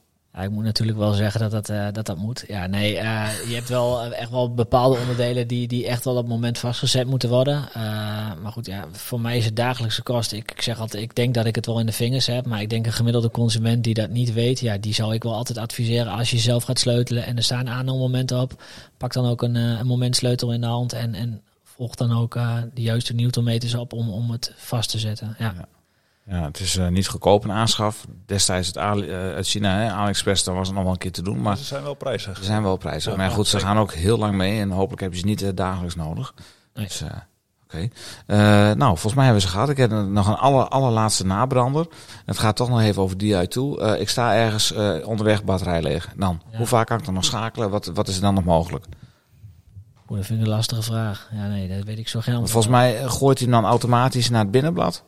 Ja, dat wel. Maar goed, ja, als die echt leeg is, ja, dan, dan houdt het wel op. eh. Ja, nou ja, hij, Ja. hij schakelt dan naar het binnenblad Ja. om te voorkomen dat je helemaal leeg komt te Ja. staan, toch? Of niet? Ja, dat je in ieder geval nog wel op een normaal cadans, denk ik, eh, ja, ergens kan komen. Maar eh, Mhm. ja, En dan kan ik me, ik, moet even, ik ben even aan het nadenken hoe die jongen dat deed. Eh, ik zat een keer, eh, was ik eh, gewoon eh, eh, bij de Limmerberg, ik was op en neer aan het fietsen en in de hoek, eh, op het kruispunt zat een, een, een jongen in het gras. En eh, ik ging naar beneden en ik ging weer omhoog en ik ging weer naar beneden. En hij, hij zat er maar en hij zat er maar. Dus ik ben er naartoe gegaan. Ehm, eh, ik zei, nou, ik zeg, eh, ga alles goed of kan ik helpen? Nou, het bleek een Engelsman te zijn. Zijn elektronisch schakelaar was, die was leeg. En volgens mij was hij hem via zijn telefoon aan het opladen. Dus hij haalde volgens mij op een of andere manier haalde die energie uit, Ja. uit zijn telefoon.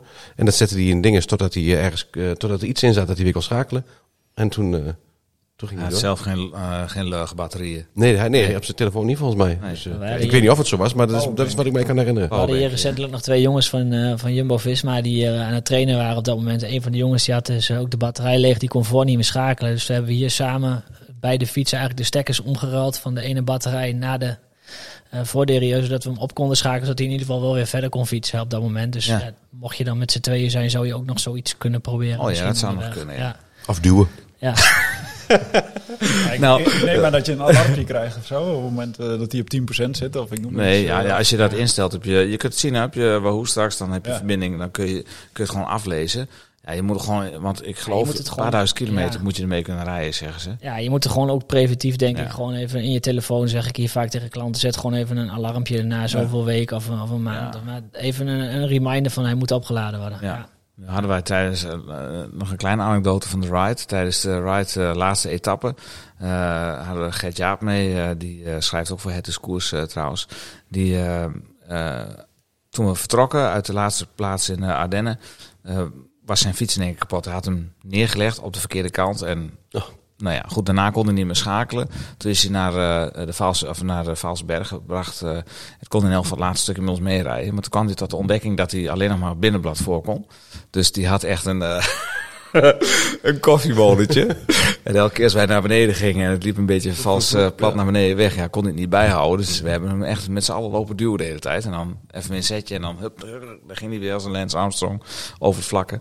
Eh, met een cadans van heb ik jou daar, maar dat was grappig. Maar het was Alleen- wel uh, ploeteren voor hem. De Kouwberg op had hij dan weer mazzel. Daar had hij mazzel. Toen vloog hij ons weer voorbij. Ja, en dat was dan zijn voordeel. Eh, Robert, eh, we moeten even vooruit eh, gaan blikken naar de volgende keer. De Vot, ultimo kilometro. Nou, de volgende keer, eh, Robert, want we gaan hier zo afronden. ehm, dan gaan we het, eh, ja, we gaan het hebben over of poetsen van de fiets. Want we hebben nu echt onderhoud gehad. Maar we gaan ook hebben over ja, hoe poets je nou je fiets het beste? Wat, wat kun je het beste gebruiken? Eh, kleding in de winter, materiaal wat we meegenomen op onze rit richting Hangover of Hannover. En er is iemand nog op avontuur geweest in IJsland. En dan gaan we het ook eh, over, eh, over hebben. Dus eh, we, wat er precies komt de volgende keer, Ja. we moeten nog even kijken naar de planning. Maar we hebben nog heel wat moois in petto. Oh, er zijn in ieder geval nog, nog veel afleveringen die we hierover kunnen maken. zeker. Dus, En ik ben afgelopen week aan het puzzelen geslagen. Niet alleen met de route naar Hangover, maar ook met Project X. mag je al een klein tipje Nee, op? nee, nee, dat mogen niet. Nee, augustus Nee, gaat nee, het worden. oh. Dat wordt, ook- dat wordt ook weer wat. Ik, ik weet wat het is. Ja, jongen, het is echt heerlijk. Nou ja, goed. Bram, ontzettend bedankt dat wij hier mochten zijn. En eh, ontzettend bedankt eh, dat je nou ja, ons van deskundig advies hebt kunnen ehm, voorzien. En ik hoop dat de kosten niet al te hoog eh, oplopen. ik, eh, ja, ik sta hier met samengeknepen billetjes. Maar eh, je, bent gelukkig, je bent gelukkig met de auto, dus... eh, ja, nee, ik kan, jij, eh, jij komt wel thuis ik kom in elk geval wel thuis. Ik kom geval thuis. Bedankt dat we hier mochten zijn. Dankjewel. En eh. Dank voor je deskundigheid. Ontzettend eh, bedankt. ja, en Ferdy, ook ontzettend bedankt dat jij er weer was. Heb je een beetje vertrouwen in eh, richting de toekomst? Ja, ik denk het wel. Ja? Ik denk, maar ik ga mijn fiets toch een keer voor een onderhoudsbeurtje brengen. Denk ik. Ja, dat is heel goed. Nou, ik hoop dat meer mensen dat doen. En dan kun je hier terecht eh, bij Herman Bleef Ja, fietsen. Shimano Service Center. Oké, goed. eh, we hebben alles afgekaart, Robert, hè? Volgens mij wel. Ja? ja, ja. nou, ja. goed, dan gaan we afronden. Nou, deze podcast werd gepresenteerd door uw twee favoriete tukkers, Robert Vlim en mijzelf, Maarten Visser. Vandaag spraken wij met Bram Schots van Shimano Service Center Herman Beleef Fietsen te Nijverdal. Dank voor je deskundigheid en de check van de fiets. En Ferdy is hopelijk ook helemaal bijgepraat en is eh, de monteur van dienst tijdens onze hangover ride in januari. Dat je het even weet, Ferdy. Ehm, ja, eh, wij danken natuurlijk Shimano voor het mede mogelijk gemaakt, maken van dit aanstaande avontuur. Etchondo voor de sponsoring en de kleding van de show. En verder danken wij Canyon Hashtag Fiets van de Show en Komoot voor al uw routes en de hier natuurlijk voor een heerlijke muzikale ondersteuning. Deze podcast wordt mede mogelijk gemaakt door hetiskoers.nl, de leukste wielerblog van Nederland en van Vlaanderen. Wil je nou reageren of een suggestie doen voor een onderwerp? Dat kan gewoon. Sluit je dan aan bij onze vrienden van de show. Volg ons op de Twitters en het oh zo hippe Instagram. Jullie kunnen ons daar vinden onder @pedeleurs, @hetiskoers, @robbertvlim en @hengelaar. Vind je dit nou een leuke podcast? Laat dan even een reviewtje achter of een spraakbericht. Je kunt ook reageren nu bij Vriend van de Show. Doe dat gewoon en dan help je gelijk anderen om ons te kunnen vinden. Wij laten alles horen en de revue passeren. Eh, ik zou zeggen, goed gaan tot de volgende keer en eh, de groeten. De groeten.